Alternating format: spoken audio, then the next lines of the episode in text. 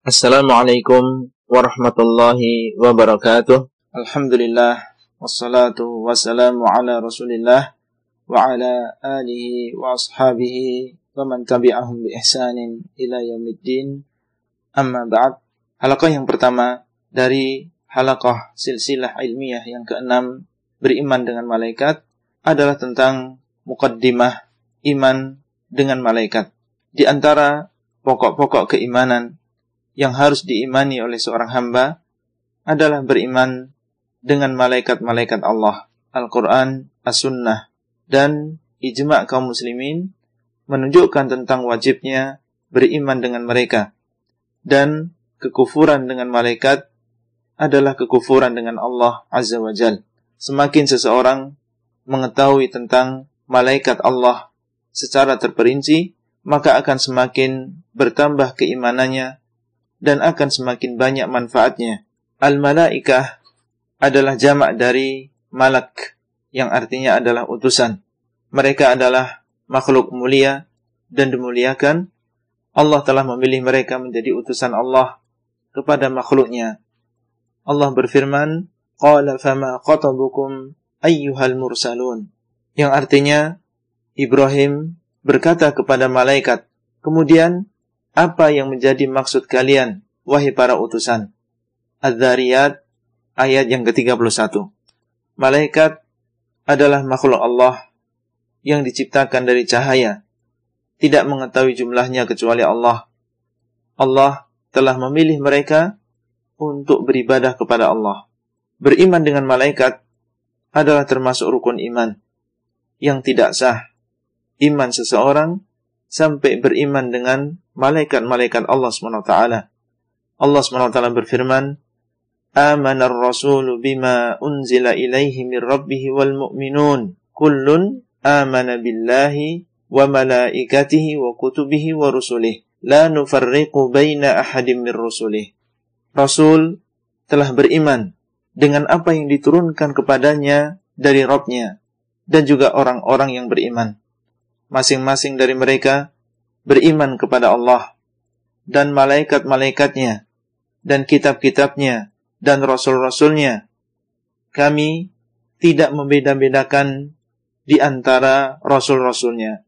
Surat Al-Baqarah 285.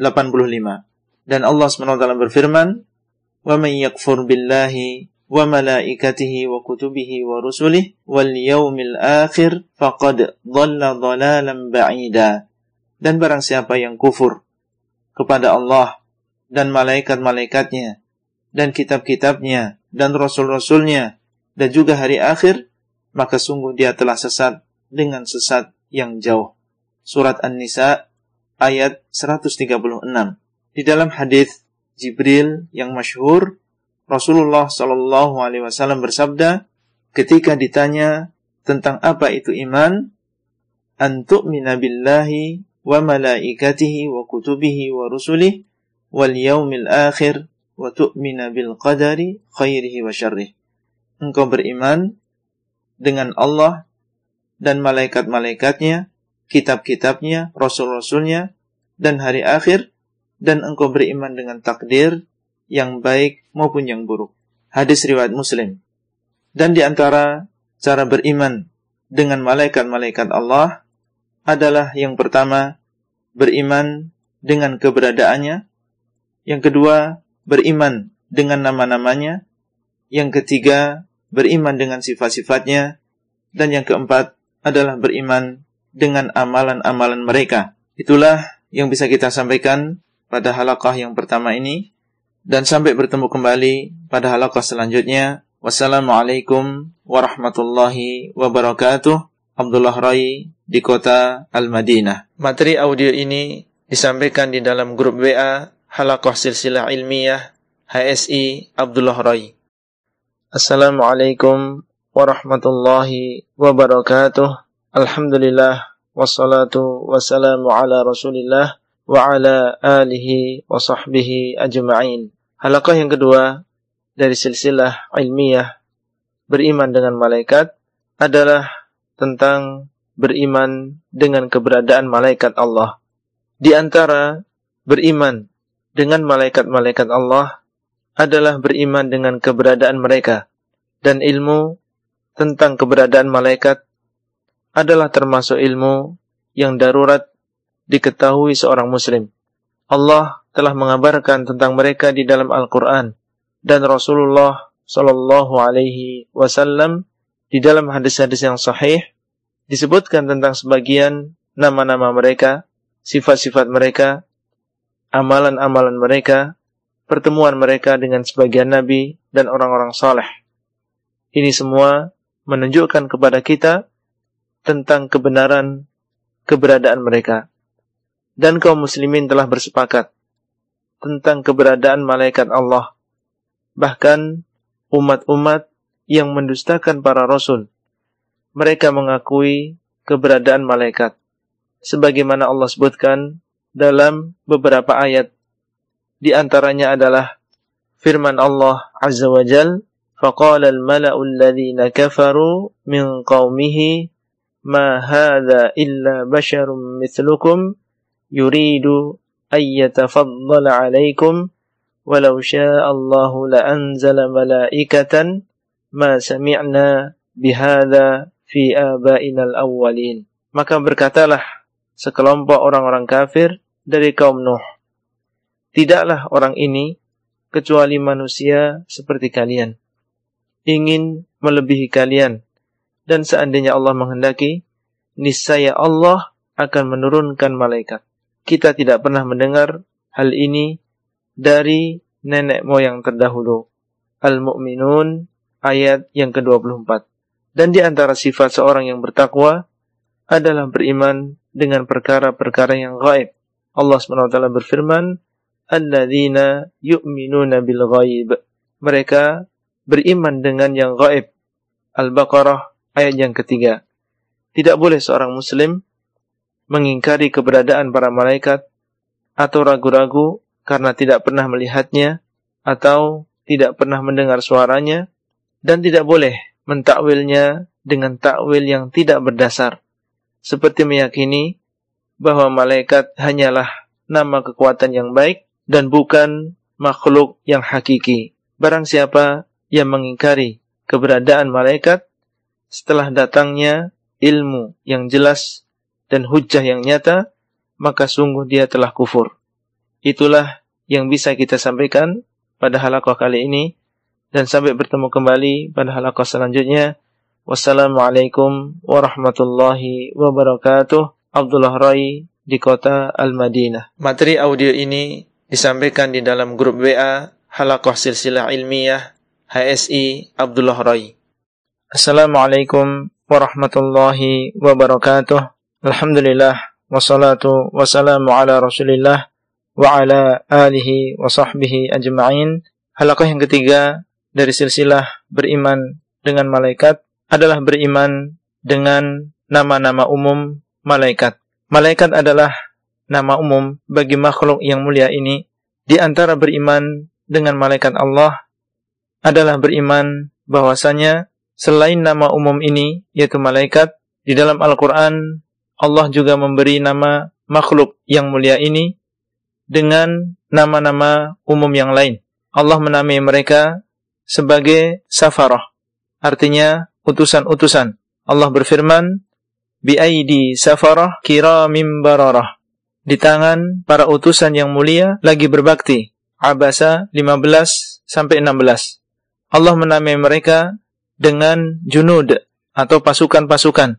Allah berfirman mengabarkan pertolongan Allah kepada orang-orang yang beriman di perang Hunain ثم أنزل الله سكينته على رسوله وعلى المؤمنين وأنزل جنودا لم تروها وعذب الذين كفروا وذلك جزاء الكافرين Kemudian Allah menurunkan ketenangannya kepada Rasulnya dan orang-orang yang beriman dan menurunkan pasukan-pasukan yang tidak kalian lihat dan mengadab orang-orang yang kafir dan yang demikian adalah balasan bagi orang-orang yang kafir At-Taubah 26 dan Allah menamai mereka dengan Al-Mala'ul A'la atau sekumpulan makhluk yang paling atas karena mereka adalah penghuni langit Allah SWT berfirman ma kana liya min ilmin bil mala'il a'la id yakhtasimun. Aku tidak memiliki ilmu sedikit pun tentang para malaikat ketika mereka saling berbantahan.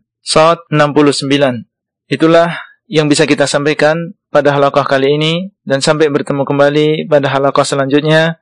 Wassalamualaikum warahmatullahi wabarakatuh. Abdullah Rai di kota Al-Madinah. Materi audio ini disampaikan di dalam grup WA Halakoh Silsilah Ilmiah HSI Abdullah Roy. Assalamualaikum warahmatullahi wabarakatuh.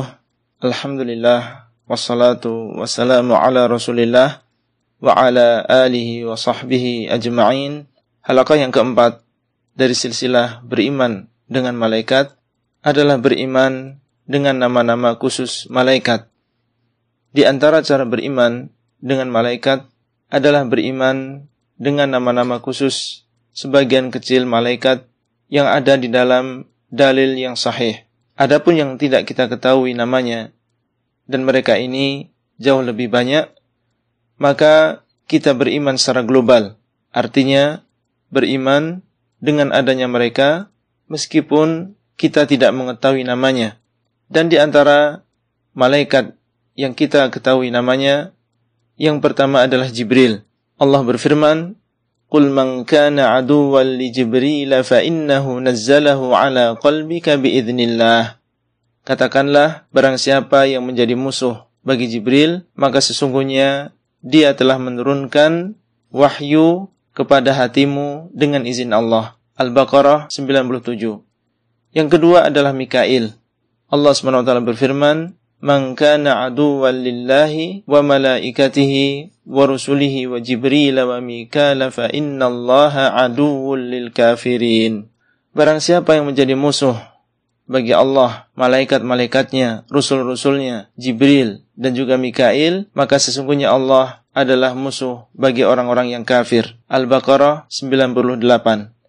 Yang ketiga adalah Israfil.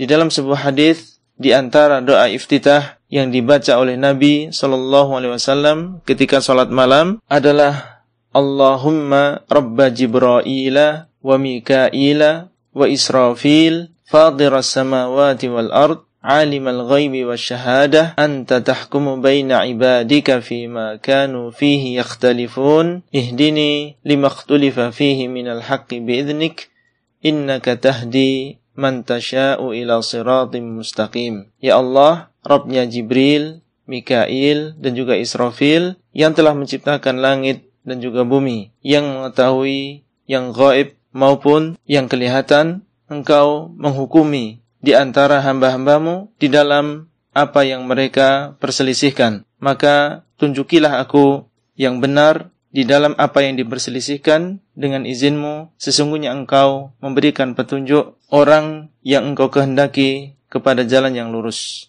Hadis diriwayatkan oleh Muslim. Yang keempat adalah Malik. Allah SWT berfirman, وَنَادَوْ يَا ya Malik لِيَقْضِ عَلَيْنَا رَبُّكْ قَالَ innakum مَاكِثُونَ Mereka, yaitu penduduk neraka, memanggil, Wahai Malik, hendaklah Rabbmu mematikan kami. Maka Malik berkata, sesungguhnya kalian akan tetap tinggal. Az-Zukhruf ayat 77. Yang kelima adalah mungkar dan juga nakir. Rasulullah sallallahu alaihi wasallam bersabda, "Idza kubira al-mayyit aw qala ahadukum atahu malakan aswadan azraqan yuqalu li ahadihima al-munkar wal akhari an-nakir." Apabila seorang mayit atau salah seorang di antara kalian dikuburkan, maka akan didatangi dua orang malaikat yang hitam, yang biru, dinamakan yang pertama adalah mungkar dan yang lain an-nakir. Hadis riwayat Tirmidzi dan hadis ini adalah hadis yang hasan. Yang keenam adalah Harut dan juga Marut. Allah SWT berfirman, وَمَا كَفَرَ سُلَيْمَانُ وَلَكِنَّ الشَّيَاطِينَ كَفَرُوا yu'allimunan nasa sihra wa ma unzila 'alal malakaini bi Babila Harut wa Marut. Dan tidaklah Sulaiman kafir, akan tetapi setan-setanlah yang kafir, mereka mengajarkan manusia sihir dan apa yang telah diturunkan kepada dua orang malaikat di Babil yang bernama Harut dan juga Marut. Al-Baqarah ayat 102.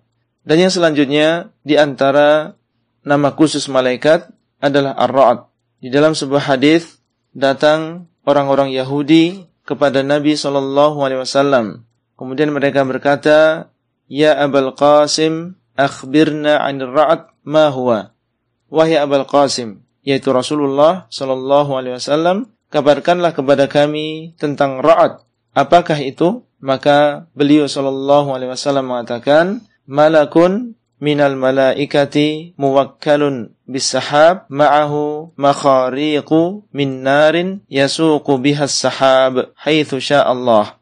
Beliau mengatakan seorang malaikat di antara malaikat-malaikat yang diberi tugas untuk menggiring awan bersamanya alat yang terbuat dari api untuk menggiring awan tersebut sesuai dengan kehendak Allah. Hadis sahih diriwayatkan oleh Tirmidzi.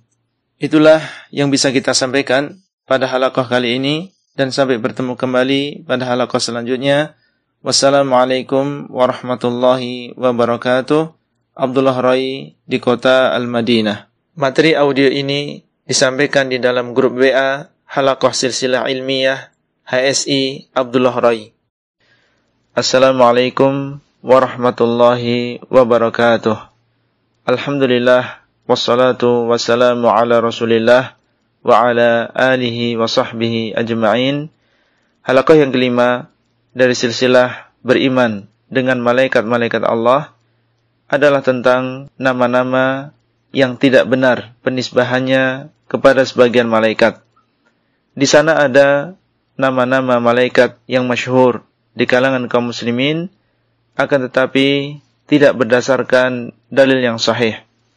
Yang pertama adalah Israel sebagai nama dari malaikat pencabut nyawa. Tidak ada dalil yang sahih bahwa Israel adalah nama dari malaikat pencabut nyawa. Allah di dalam Al-Quran dan Nabi di dalam hadis yang sahih hanya menggunakan istilah malakul maut atau malaikat kematian. Allah berfirman, Qul yatawaffakum malakul mautil ladzi wukkila bikum thumma ila rabbikum turja'un. Katakanlah malakul maut atau malaikat kematian yang telah ditugaskan kepada kalian akan mewafatkan kalian. Kemudian kalian akan dikembalikan kepada Rob kalian. As-Sajdah ayat 11. Rasulullah Shallallahu Alaihi Wasallam bersabda, "Ursila malakul mauti ila Musa, falamma ja'ahu sokkahu faraja'a ila Rabbih." diutus malakul maut kepada Musa, maka ketika malaikat tersebut mendatangi Musa, Nabi Musa menamparnya, maka kembalilah malaikat tersebut kepada Robnya. Hadis sahih riwayat Bukhari dan Muslim. Yang kedua adalah Ridwan, sebagai nama dari seorang malaikat penjaga surga. Tidak ada dalil yang sahih bahwa Ridwan adalah nama dari malaikat penjaga surga, Allah di dalam Al-Quran dan Nabi di dalam hadis yang sahih hanya menggunakan istilah penjaga tanpa menyebut nama. Allah berfirman, "Wasiqal الَّذِينَ taqaw rabbahum ilal jannati zumara hatta idza ja'uha wa futihat abwabuha wa qala lahum khazanatuha salamun alaikum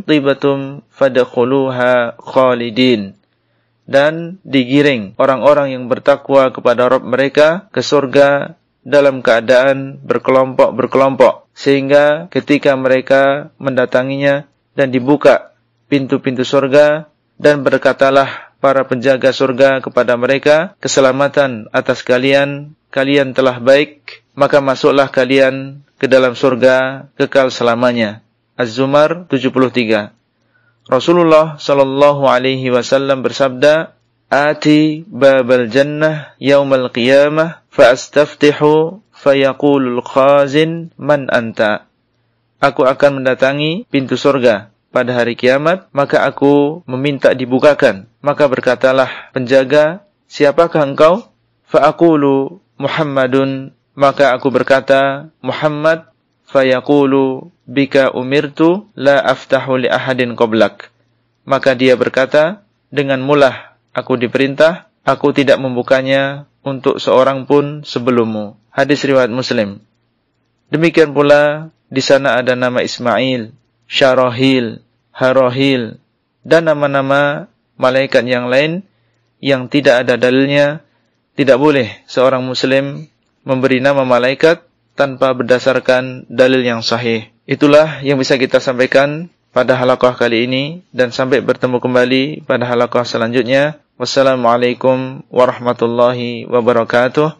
Abdullah Rai di kota Al-Madinah. Materi audio ini disampaikan di dalam grup WA Halakoh Silsilah Ilmiah HSI Abdullah Rai. Assalamualaikum warahmatullahi wabarakatuh. Alhamdulillah wassalatu wassalamu ala Rasulillah wa ala alihi wa sahbihi ajma'in. Halaqah yang keenam dari silsilah ilmiah beriman dengan malaikat-malaikat Allah adalah beriman dengan sifat-sifat fisik malaikat. Bagian yang pertama. Di antara beriman dengan malaikat-malaikat Allah adalah beriman dengan sifat-sifat mereka yang telah dikabarkan oleh Allah dan Rasulnya. Sifat-sifat malaikat ada dua, sifat-sifat fisik atau penciptaan dan sifat-sifat akhlak atau perangai. Di antara sifat-sifat fisik malaikat yang pertama, malaikat diciptakan dari cahaya. Rasulullah Shallallahu Alaihi Wasallam bersabda, "Khuliqatil malaikatu min nur." Diciptakan malaikat dari cahaya. Hadis riwayat Muslim. Kemudian yang kedua, malaikat memiliki sayap. Ada di antara mereka yang memiliki dua sayap, ada yang tiga sayap, empat sayap, bahkan ada yang lebih dari itu. Allah berfirman, Alhamdulillahi fatiris samawati wal ard ja'ilil malaikati rusulan uli ajnihatin matna wa thulatha wa ruba' yazidu fil khalqi ma yasha' Allaha ala kulli shayin qadir. Segala puji bagi Allah yang menciptakan langit dan bumi, menjadikan malaikat-malaikat sebagai utusan yang memiliki sayap-sayap. Ada yang dua, tiga, empat. Allah menambah di dalam penciptaannya apa yang dia kehendaki. Sesungguhnya Allah maha mampu untuk melakukan segala sesuatu. Fatir ayat yang pertama. Abdullah bin Mas'ud radhiyallahu anhu menceritakan bahwasanya Nabi saw melihat Jibril dan beliau memiliki 600 sayap. Hadis riwayat Bukhari dan Muslim. Sifat yang ketiga, bahwasanya malaikat bukan laki-laki dan juga bukan perempuan. Allah SWT berfirman, Am khalaqnal malaikata inatan wahum syahidun.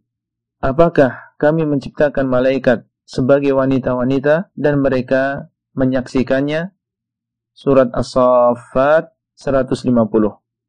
Di dalam ayat di atas Allah menafikan bahwasanya malaikat adalah perempuan dan di sana tidak ada dalil yang sahih bahwasanya mereka adalah laki-laki.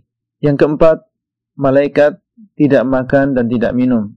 Sebagaimana ketika Allah menceritakan kisah Nabi Ibrahim bersama malaikat. Allah SWT berfirman, Hal ataka حديث ضيف إبراهيم المكرمين إذ دخلوا عليه فقالوا سلاما قال سلام قوم منكرون فراغ إلى أهله فجاء بعجل سمين فقربه إليهم قال ألا تأكلون فأوجس منهم خيفة قالوا لا تخف وبشروه بغلام عليم Apakah telah datang kepadamu kabar tentang tamu-tamu Ibrahim ketika mereka masuk rumah dan mengatakan, "Keselamatan atasmu." Ibrahim berkata, "Keselamatan atas kalian, wahai kaum yang tidak dikenal." Maka segeralah Ibrahim pergi ke keluarganya dan datang dengan membawa daging anak sapi yang gemuk. Kemudian menghidangkannya kepada mereka, seraya berkata, "Kenapa kalian tidak memakannya?" Maka timbullah rasa takut di dalam hati beliau, maka mereka pun berkata, "Janganlah engkau takut." Kemudian mereka pun memberi kabar gembira kepada Ibrahim dengan kedatangan seorang anak yang alim. Az-Zariyat 24 sampai 28. Itulah yang bisa kita sampaikan pada halaqah kali ini dan sampai bertemu kembali pada halaqah selanjutnya. Wassalamualaikum warahmatullahi wabarakatuh. Abdullah Rai di kota Al-Madinah. Materi audio ini disampaikan di dalam grup WA Halaqah Silsilah Ilmiah HSI Abdullah Roy. Assalamualaikum warahmatullahi wabarakatuh. Alhamdulillah wassalatu wassalamu ala Rasulillah wa ala alihi wa sahbihi ajma'in. Halaqah yang ketujuh dari silsilah ilmiah beriman dengan malaikat-malaikat Allah adalah beriman dengan sifat-sifat fisik malaikat bagian yang kedua. Sifat yang kelima bahwasanya malaikat berbicara. Dalil di dalam Al-Quran dan hadis banyak yang menunjukkan bahwasanya malaikat berbicara. Mereka berbicara dengan Allah sebagaimana firman Allah wa idh qala rabbuka lil malaikati inni ja'ilun fil ardi khalifah qalu ataj'alu fiha man yufsidu fiha wa yasfiku dima wa nahnu nusabbihu bihamdika wa nuqaddisu lak qala inni a'lamu ma la ta'lamun dan ketika Rabbmu berkata kepada malaikat-malaikat sesungguhnya aku akan menjadikan di bumi seorang khalifah mereka berkata apakah engkau menjadikan di bumi orang yang akan membuat kerusakan di dalamnya dan menumpahkan darah sedangkan kami bertasbih dengan memujimu dan menyucikanmu Allah berkata Sesungguhnya aku mengetahui apa yang tidak kalian ketahui. Al-Baqarah 30. Mereka berbicara dengan para nabi, sebagaimana ayat yang menceritakan pembicaraan mereka dengan Nabi Ibrahim. Lihat Az-Zariyat 24 sampai 34 dan pembicaraan mereka dengan Nabi Lut. Lihat surat Hud ayat 81. Dan di dalam hadis Jibril Malaikat Jibril alaihi salam berbicara dengan Nabi kita Muhammad sallallahu alaihi wasallam bertanya tentang Islam, iman dan juga ihsan. Hadis riwayat Muslim. Dan mereka berbicara dengan orang-orang saleh. Sebagaimana firman Allah menceritakan tentang pembicaraan malaikat kepada Maryam, "Wa idz qalatil malaikatu ya Maryam, Inna Allah astafaki wa wa astafaki ala nisa'il alamin. Dan ketika para malaikat berkata, Wahai Maryam, sesungguhnya Allah telah memilihmu dan menyucikanmu dan memilihmu di antara wanita-wanita seluruh alam. Ali Imran 42. Mereka berbicara dengan penduduk surga. Lihat surat Ar-Ra'd 23 24 dan mereka berbicara dengan penduduk neraka. Lihat surat Ghafir 49 sampai 50. Dan di antara sifat malaikat yang keenam adalah bahwasanya malaikat memiliki kemampuan menjelma sebagai manusia. Dengan izin Allah Subhanahu wa taala, Allah berfirman di dalam kisah Maryam, "Fattakhadhat min dunihim hijaban فأرسلنا إليها روحنا فتمثل لها بشرا سويا maka Maryam memasang hijab atau tabir yang melindungi diri beliau dari keluarganya maka kami pun mengutus kepadanya roh kami yaitu Jibril maka Jibril menjelma di hadapannya dalam bentuk manusia yang sempurna surat Maryam 17 kisah Ibrahim dan Lut bersama malaikat dan juga hadis Jibril termasuk di antara dalil-dalil tentang sifat malaikat ini. Dan hendaknya kita mewaspadai keyakinan sebagian orang yang mengingkari sifat ini seperti kelompok Mu'tazilah yang menganggap hal ini hanyalah khayalan orang yang melihat. Itulah yang bisa kita sampaikan pada halakoh kali ini dan sampai bertemu kembali pada halakoh selanjutnya. Wassalamualaikum warahmatullahi wabarakatuh. Abdullah Rai di kota Al-Madinah. Materi audio ini disampaikan di dalam grup WA Halakoh Silsilah Ilmiah HSI Abdullah Rai. Assalamualaikum warahmatullahi wabarakatuh. Alhamdulillah wassalatu wassalamu ala Rasulillah wa ala alihi wa sahbihi ajma'in. Halakoh yang ke-8 dari silsilah ilmiah beriman dengan malaikat-malaikat Allah adalah beriman dengan sifat-sifat fisik malaikat bagian yang ketiga. Sifat yang ketujuh di antara sifat-sifat fisik malaikat bahwasanya malaikat bisa dilihat. Kebiasaan malaikat adalah tidak menampakkan dirinya dari manusia, namun terkadang menampakkan diri dengan izin Allah di hadapan makhluk yang lain. Dalil-dalil telah menunjukkan bahwasanya malaikat bisa dilihat. Nabi Ibrahim dan Nabi Lut alaihi wasallam telah melihat malaikat dalam bentuk manusia.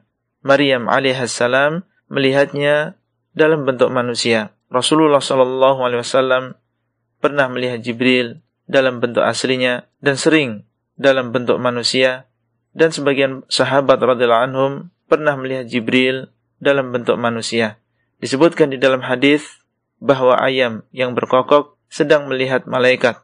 Beliau sallallahu alaihi wasallam mengatakan, "Idza sami'tum siyahaddikah fas'alullaha min fadlih fa innaha ra'at malakan wa idza sami'tum nahiqal himar fata'awwadhu billahi minasyaitan fa innahu ra'a syaitanan." Apabila kalian mendengar kokok ayam, maka mintalah kepada Allah dari karunia Allah. karena sesungguhnya ayam tersebut melihat malaikat. Dan apabila kalian mendengar ringkikan keledai, maka hendaklah kalian berlindung kepada Allah dari syaitan, karena keledai tersebut melihat syaitan. Hadis riwayat Bukhari dan Muslim.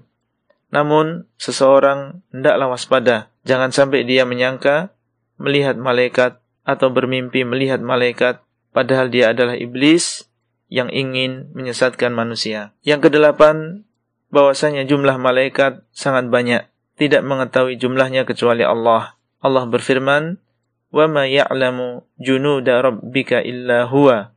Tidak mengetahui jumlah tentara-tentara Rabbmu yaitu malaikat kecuali Dia. Surat Al-Muddathir 31.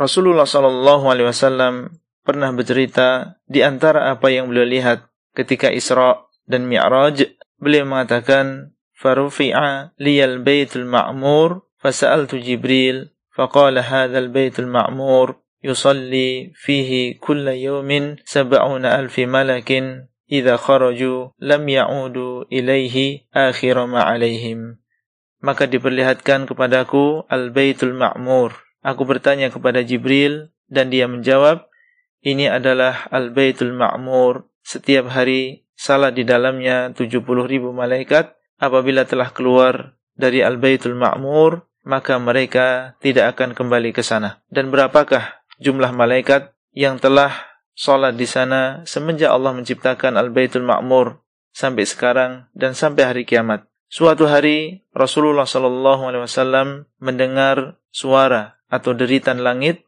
kemudian beliau mengatakan Inni ara ma la tarawna wa asma'u ma la tasma'un attati sama'u wa huqqa laha an ta'itta ma fiha mawdi'u arba'i asabi' illa wa malakun wadi'un jabhatahu sajidan lillah Sesungguhnya aku melihat apa yang tidak kalian lihat dan mendengar apa yang tidak kalian dengar langit mengeluarkan suara atau deritan dan dia berhak untuk mengeluarkan suara karena tidak ada sebuah tempat seluas empat jari kecuali di situ ada seorang malaikat yang meletakkan dahinya bersujud untuk Allah. Hadis Hasan riwayat Tirmidzi dan Ibnu Majah. Langit yang tujuh mengeluarkan deritan karena sangat banyaknya dan sangat beratnya malaikat yang tinggal di sana. Itulah yang bisa kita sampaikan pada halakah kali ini dan sampai bertemu kembali pada halaqah selanjutnya. Wassalamualaikum warahmatullahi wabarakatuh. Abdullah Rai di kota Al-Madinah. Materi audio ini disampaikan di dalam grup WA Halaqah Silsilah Ilmiah HSI Abdullah Rai. Assalamualaikum warahmatullahi wabarakatuh. Alhamdulillah wassalatu wassalamu ala rasulillah wa ala alihi wa sahbihi ajma'in halakah yang kesembilan dari silsilah ilmiah beriman dengan malaikat-malaikat Allah adalah beriman dengan sifat-sifat fisik malaikat bagian yang keempat. Di sana ada di antara malaikat yang Allah atau Rasulnya sebutkan sifat fisiknya secara khusus. Di antaranya malaikat penjaga neraka. Mereka adalah malaikat yang keras hatinya, tidak memiliki kasih sayang, dan sangat keras serta kuat badannya. Allah SWT berfirman, Ya ayyuhalladzina amanu, ku anfusakum wa ahlikum nara, wa quduhan nasu wal hijarah, alaiha malaikatun ghiladun shidad, la ya'sun ma amarahum, wa yaf'aluna ma yu'marun. Wahai orang-orang yang beriman, jagalah diri kalian dan keluarga kalian dari api neraka yang bahan bakarnya dari manusia dan batu yang dijaga oleh para malaikat yang keras hatinya dan kuat badannya yang mereka tidak memaksiati Allah dalam perintah Allah yang Allah perintahkan kepada mereka dan mereka melaksanakan apa yang diperintahkan kepada mereka. At-Tahrim ayat yang ke-6. Jibril alaihissalam adalah malaikat yang kuat dan indah dipandang. Allah SWT wa taala berfirman, "Allamahu syadidul quwa dzu mirratin fastawa." Muhammad telah diajari oleh malaikat Jibril yang sangat kuat yang memiliki rupa yang indah, maka dia menampakkan diri. An-Najm ayat 5 sampai 6. Rasulullah saw alaihi pernah bercerita tentang salah satu malaikat pemikul arsh. Udhinali an uhadditha an malakin min malaikatillah min hamalatil arsh inna ma baina syahmati udhunihi ila atiqihi masiratu sab'i mi'ati am aku diizinkan untuk bercerita tentang seorang malaikat di antara malaikat-malaikat Allah yang memikul arsh sesungguhnya jarak antara cuping telinganya dan pundaknya sejauh 700 tahun perjalanan hadis riwayat Abu Dawud dan hadis ini sahih. Dan beliau bercerita tentang malaikat yang bertugas meniup sangkakala. Beliau sallallahu alaihi wasallam bersabda, "Inna tarfa sahibus sur منذ وكل به مستعد ينظر نحو العرش مخافة أن يؤمر قبل أن يرتد إليه طرفه كأن عينيه كوكبان دريان Sesungguhnya mata malaikat yang meniup sangkakala semenjak diserahkan tugas senantiasa siap dan melihat ke arah arsh karena takut apabila diperintah sebelum dia berkedip kedua matanya seperti dua bintang yang bercahaya. Hadis sahih riwayat Hakim di dalam Musadrak. Dan telah berlalu sebuah hadis bahwa malaikat mungkar dan nakir disifati sebagai dua malaikat yang hitam lagi biru, maksudnya adalah hitam rupanya dan biru matanya yang membuat takut orang yang melihatnya. Semoga Allah SWT menguatkan hati kita di dunia dan di akhirat. Itulah yang bisa kita sampaikan pada halakoh kali ini dan sampai bertemu kembali pada halakoh selanjutnya. Wassalamualaikum warahmatullahi wabarakatuh. Abdullah Rai di kota Al-Madinah. Materi audio ini disampaikan di dalam grup WA Halakoh Silsilah Ilmiah HSI Abdullah Rai. Assalamualaikum warahmatullahi wabarakatuh. Alhamdulillah wassalatu wassalamu ala rasulillah wa ala alihi wa sahbihi ajma'in. Halakah yang ke-10 dari silsilah ilmiah beriman dengan malaikat-malaikat Allah adalah beriman dengan sifat-sifat akhlak para malaikat bagian yang pertama. Di antara beriman dengan malaikat Allah adalah beriman dengan sifat-sifat akhlak mereka. Di antaranya mereka memiliki sifat al-karam dan al-bir Malaikat memiliki sifat al-karam, artinya memiliki akhlak yang mulia lagi terpuji dan mereka memiliki sifat al-bir, yang artinya banyak berbuat baik kepada orang lain. Allah SWT berfirman, "Bi aidi safarah kiramim bararah." Al-Qur'an ditulis dengan tangan-tangan malaikat yang mulia akhlaknya lagi banyak berbuat baik. Abasa 15 16. Rasulullah Shallallahu Alaihi Wasallam bersabda, Al-mahiru bil Quran ma'as safaratil kiramil bararah. Orang yang mahir dalam membaca Al-Quran, maka dia bersama malaikat yang mulia akhlaknya lagi banyak berbuat baik. Hadis riwayat Bukhari dan Muslim. Dan di antara kebaikan malaikat, bahwasanya mereka banyak mendoakan kebaikan bagi orang-orang yang beriman. Allah berfirman, "Huwallazi yusalli 'alaykum wa malaikatuhu liyukhrijakum minadh-dhulumati ilan nur wa kana bil mu'minina rahima." Dialah Allah yang memuji kalian dan demikian malaikatnya mendoakan kebaikan untuk kalian supaya Dia mengeluarkan kalian dari kegelapan, kegelapan menuju cahaya dan Dia Allah sangat sayang kepada orang-orang yang beriman. Al-Ahzab 43.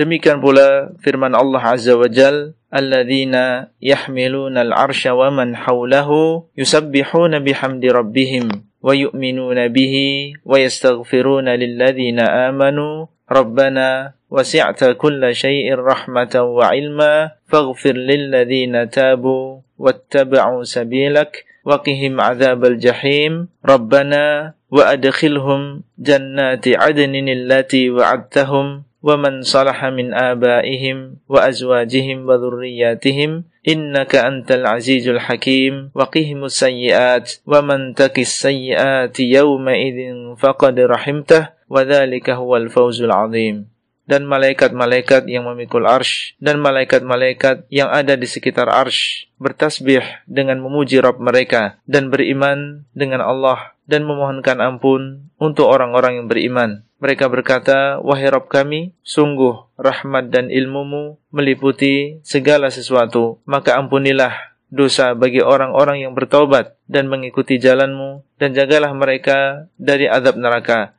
Wahai Rabb kami, dan masukkanlah mereka ke dalam surga Aden yang telah engkau janjikan bagi mereka dan orang-orang yang soleh di antara bapak-bapak mereka, istri-istri mereka, dan keturunan mereka. Sesungguhnya engkau maha perkasa, lagi maha bijaksana. Dan jagalah mereka dari kejelekan-kejelekan. Dan barang siapa yang engkau jaga pada hari itu, dari kejelekan, maka sungguh engkau telah merahmatinya dan itulah keberuntungan yang besar. surat Ghafir 7 sampai 9. Dan di antara kebaikan mereka, syafaat mereka untuk orang-orang yang bertauhid. Allah SWT berfirman, Ya'lamu ma baina aydihim wa ma qalfahum, wa la yashfa'una illa liman irtada wa hum min khasyatihi mushfiqun." Allah SWT mengetahui amalan mereka, yaitu para malaikat yang sudah berlalu maupun yang akan datang. Dan mereka tidak memberikan syafaat kecuali bagi orang yang Allah ridai dan mereka takut kepada Allah. Al-Anbiya 28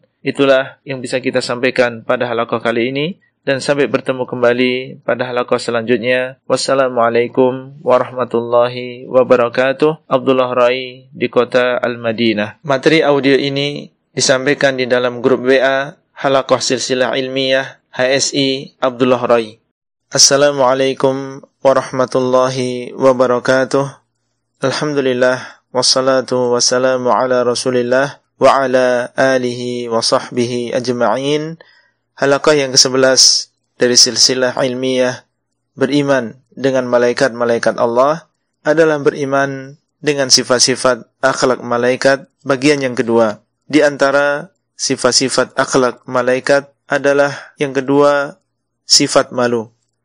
Malu adalah sifat yang mulia yang membawa seseorang untuk meninggalkan yang buruk dan membawanya kepada akhlak yang mulia, bahkan dia adalah termasuk cabang keimanan.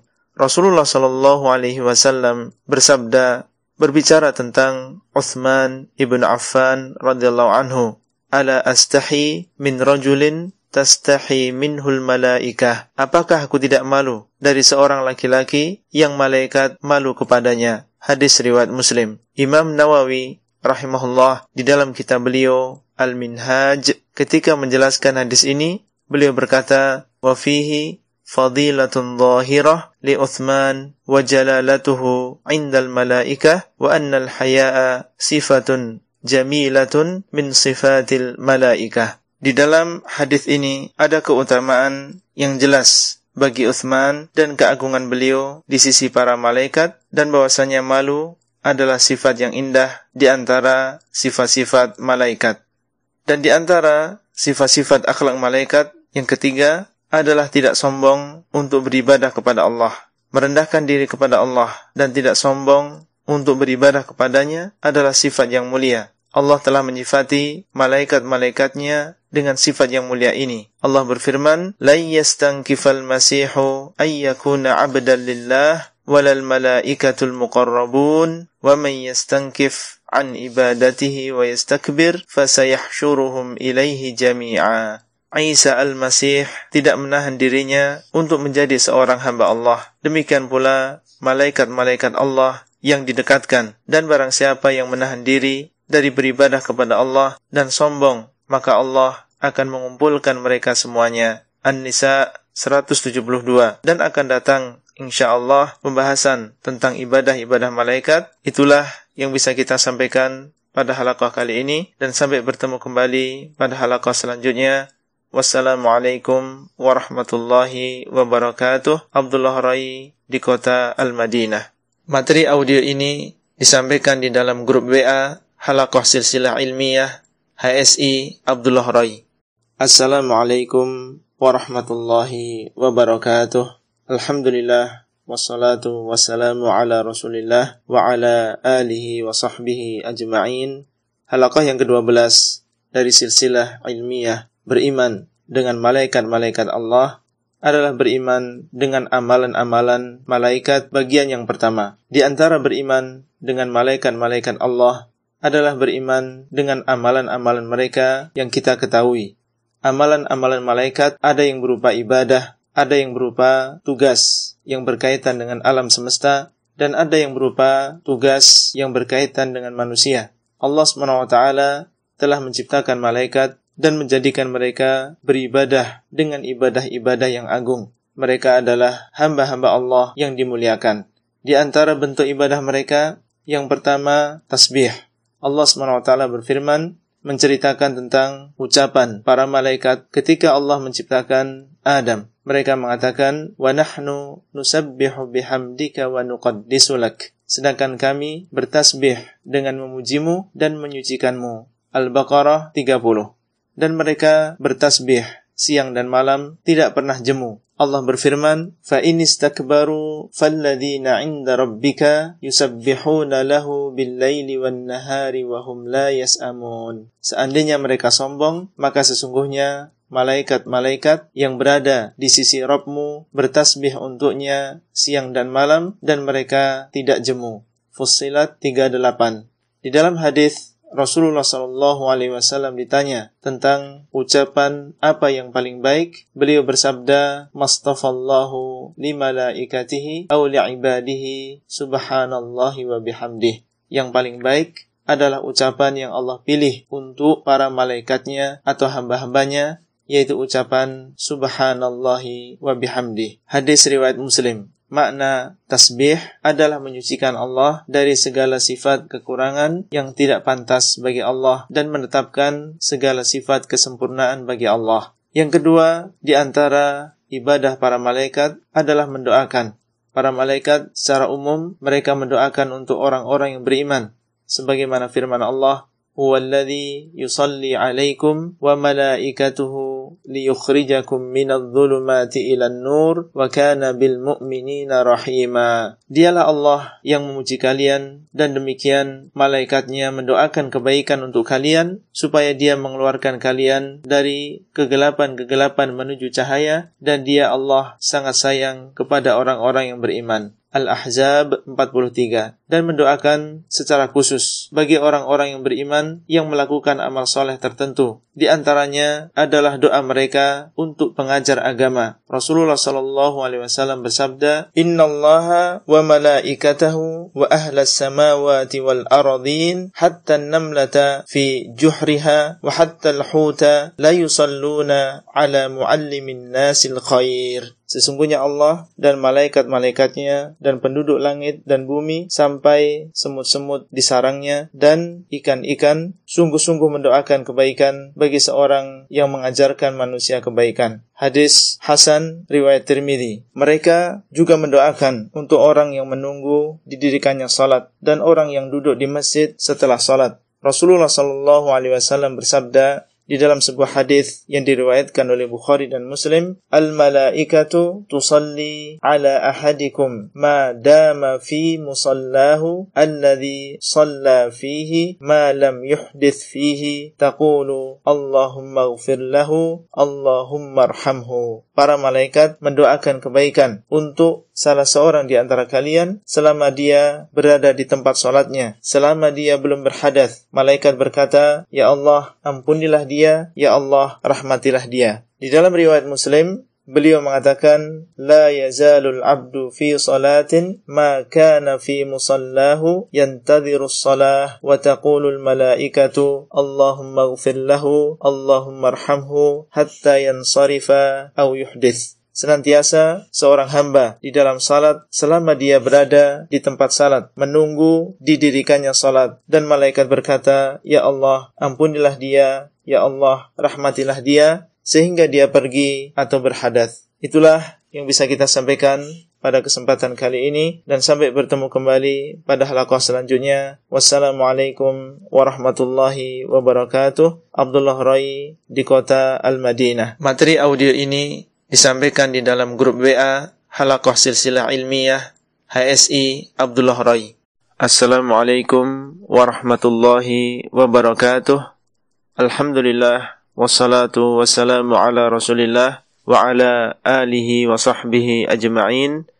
Halakoh yang ke-13 dari silsilah ilmiah beriman dengan malaikat-malaikat Allah adalah beriman dengan amalan-amalan malaikat bagian yang kedua. Di antara orang-orang yang malaikat doakan secara khusus adalah orang yang sholat di saf-saf yang pertama ketika sholat berjamaah. Rasulullah Shallallahu Alaihi Wasallam bersabda, Inna Allah wa malaikatahu yusalluna ala sufufil uwal. Sesungguhnya Allah dan malaikat-malaikatnya bersalawat untuk orang-orang yang berada di saf-saf yang pertama. Hadis sahih riwayat Abu Dawud, An-Nasai, dan Ibnu Majah dan mereka mendoakan untuk orang-orang yang menyambung sof dan menutupi celah-celah yang ada di antara sof. Rasulullah Shallallahu Alaihi Wasallam bersabda, Inna Allah wa malaikatahu yusalluna ala alladhina yasiluna sufuf wa man sadda furjatan rafa'ahu Allahu biha darajah. Sesungguhnya Allah dan para malaikatnya bersalawat untuk orang-orang yang menyambung saf dan barang siapa yang menutupi satu celah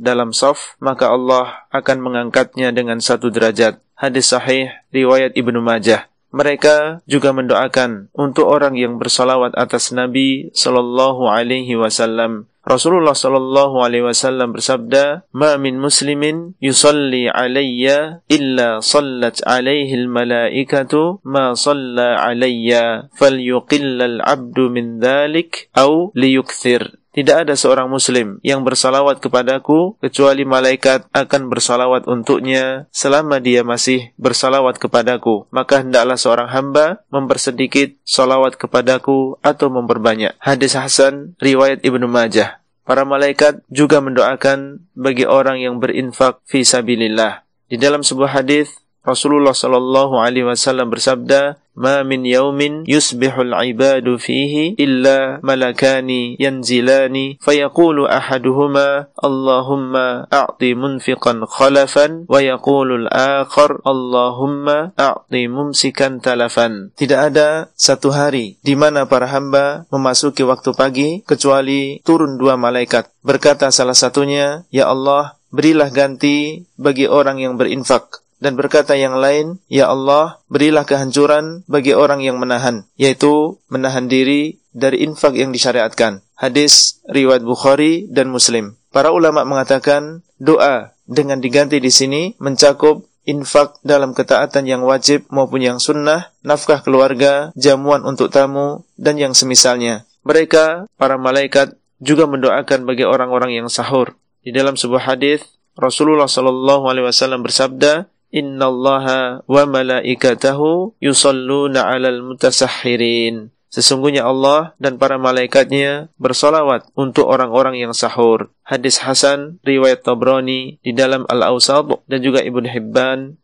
Itulah yang bisa kita sampaikan pada halakoh kali ini. Dan sampai bertemu kembali pada halakoh selanjutnya. Wassalamualaikum warahmatullahi wabarakatuh. Abdullah Rai di kota Al-Madinah. Materi audio ini disampaikan di dalam grup WA Halakoh Silsilah Ilmiah HSI Abdullah Rai.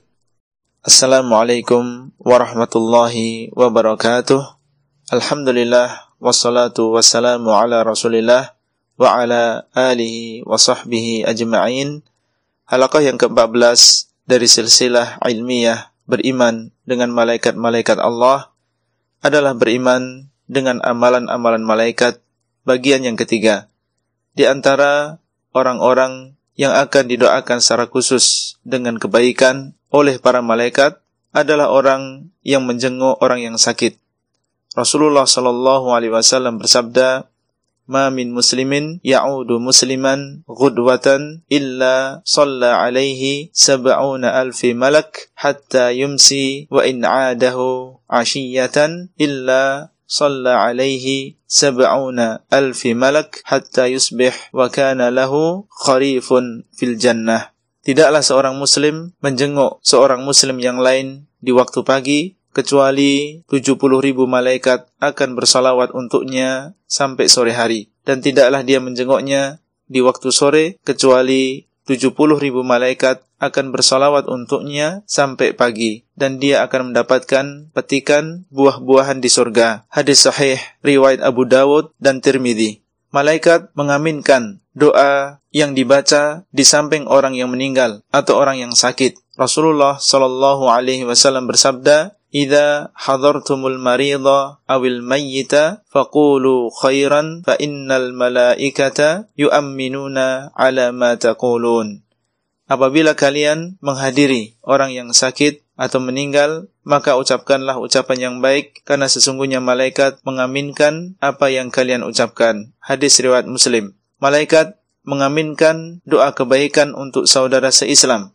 Di dalam sebuah hadis Rasulullah sallallahu alaihi wasallam bersabda, "Man da'a li akhihi bi dhahril ghaibi qala al malakul muwakkalu bihi amin wa laka mithl." Barang siapa mendoakan kebaikan untuk saudaranya, dalam keadaan saudaranya tidak mengetahui, maka berkata seorang malaikat yang ditugaskan, Amin dan bagimu yang semisalnya. Hadis riwayat Muslim. Ini menunjukkan keutamaan mendoakan saudara semuslim dengan sembunyi-sembunyi karena ini lebih ikhlas. Berkata Imam Nawawi ketika menjelaskan hadis ini, "Wa kana ba'du salafi idza arada ay يدعو li nafsihi yad'u li akhihi الدعوة لأنها تستجاب ويحصل له tustajabu Dahulu, sebagian salaf apabila ingin mendoakan kebaikan untuk dirinya, maka dia mendoakan untuk saudaranya semuslim dengan doa tersebut karena doa ini mustajab dan dia mendapatkan yang semisalnya. Itulah yang bisa kita sampaikan pada halakoh kali ini dan sampai bertemu kembali pada halaqah selanjutnya. Wassalamualaikum warahmatullahi wabarakatuh. Abdullah Rai di kota Al-Madinah. Materi audio ini disampaikan di dalam grup WA Halaqah Silsilah Ilmiah HSI Abdullah Rai.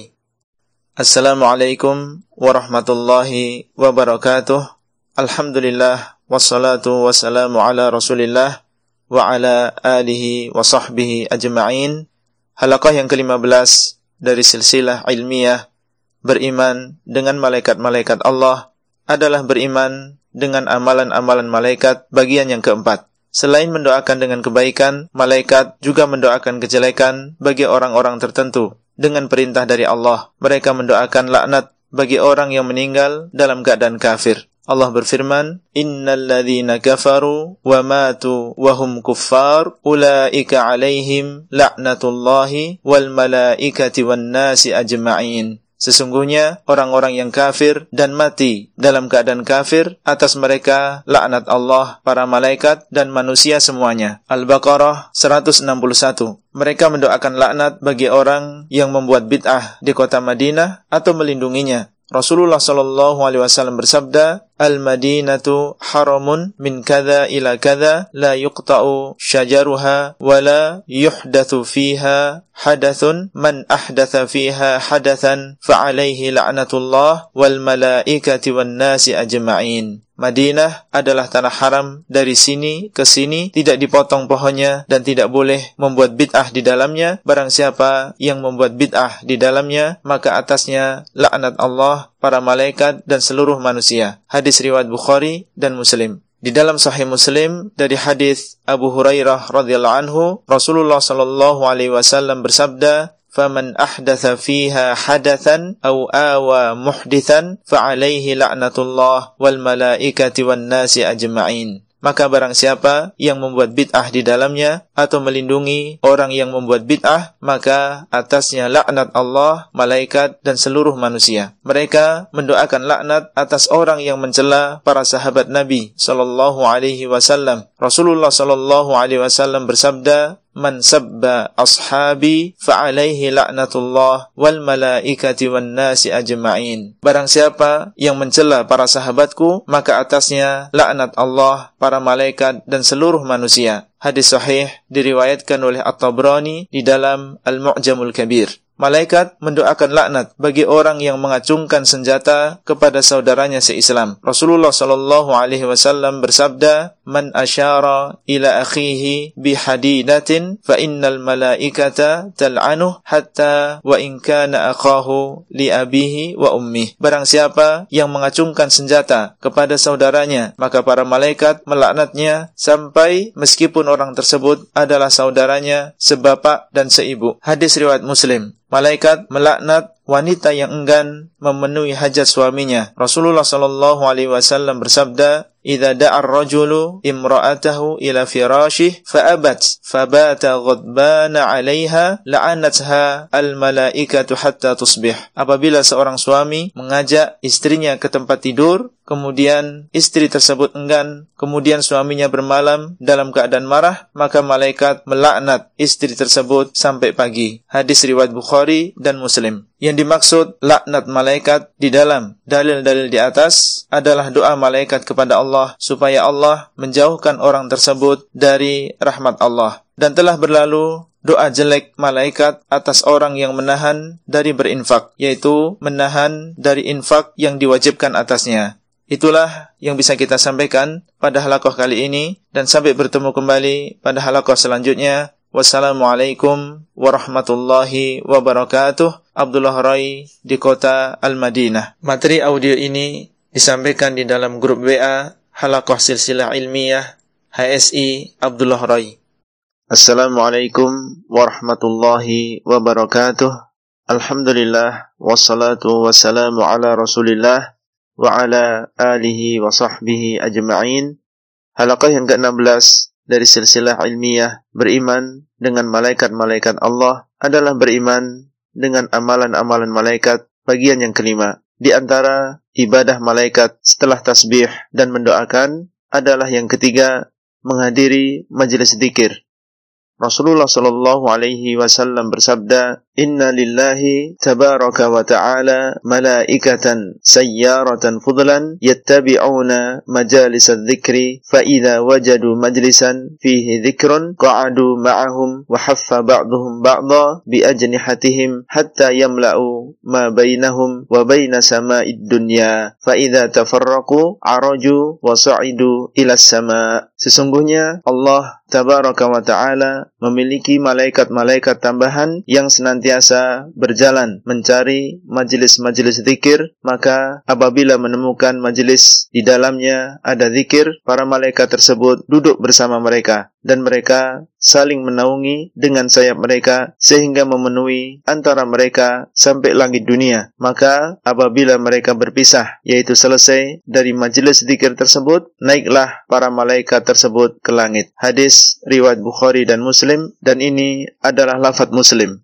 maksud dari majelis zikir di sini adalah orang-orang yang berkumpul dalam rangka berzikir kepada Allah seperti majelis ilmu dan bukanlah majelis zikir yang diadakan dengan cara yang tidak sesuai dengan sunnah Nabi Shallallahu Alaihi Wasallam. Yang keempat, malaikat mendengarkan khutbah. Rasulullah Shallallahu Alaihi Wasallam bersabda, "Idza kana yaumul jumu'ati kana ala kulli babin min abwabil masjidi al malaikatu yaktubun al awwal fal الأول فإذا جلس الإمام طووا al-imamu يستمعون الذكرى Apabila hari Jumat, maka di setiap pintu, di antara pintu-pintu masjid, ada malaikat-malaikat yang menulis yang pertama-tama datang, kemudian yang selanjutnya. Kemudian, apabila imam duduk, mereka melipat lembaran catatan dan datang untuk mendengarkan dikir. Hadis riwayat Bukhari dan Muslim. Yang kelima, mereka mengatakan amin ketika imam mengatakan amin di dalam solatnya dan mengatakan Allahumma Rabbana lakal hamdu ketika imam membaca sami Allahu liman hamidah. Rasulullah sallallahu alaihi wasallam bersabda, "Idza ammana al-imamu fa amminu fa innahu man wafaqa ta'minuhu ta'minal malaikati ghufira lahu ma taqaddama min dambih." Apabila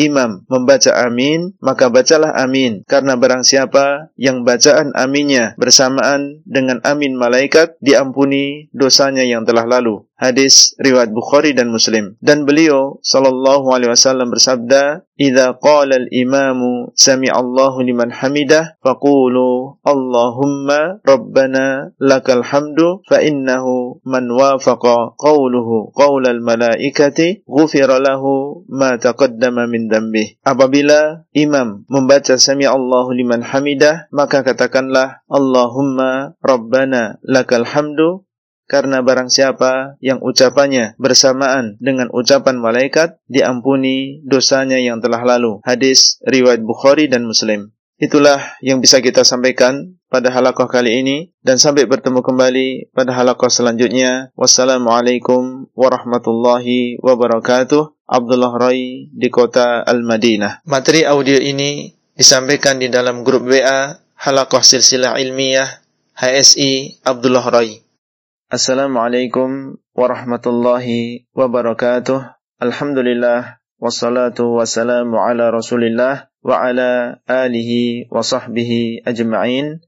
Halakah yang ke-17 dari silsilah ilmiah beriman dengan malaikat-malaikat Allah adalah beriman dengan amalan-amalan malaikat bagian yang keenam. Di antara ibadah malaikat yang keenam adalah salat. Telah berlalu di dalam sebuah hadis bahwasanya ada sebagian malaikat yang mereka melakukan salat di Baitul Ma'mur. Wallahu a'lam tentang bagaimana para malaikat tersebut melakukan salat. Namun disebutkan di dalam beberapa dalil bahwasanya mereka berdiri untuk Allah dan bersujud. Allah SWT berfirman, menceritakan tentang ucapan malaikat wa ma minna illa lahu maqamun ma'lum wa inna la nahnu saffun wa inna la nahnul musabbihun tidak ada di antara kami kecuali dia memiliki kedudukan yang diketahui dan sesungguhnya kami berdiri bersaf-saf dan sesungguhnya kami bertasbih. As-Saffat 164 sampai 166.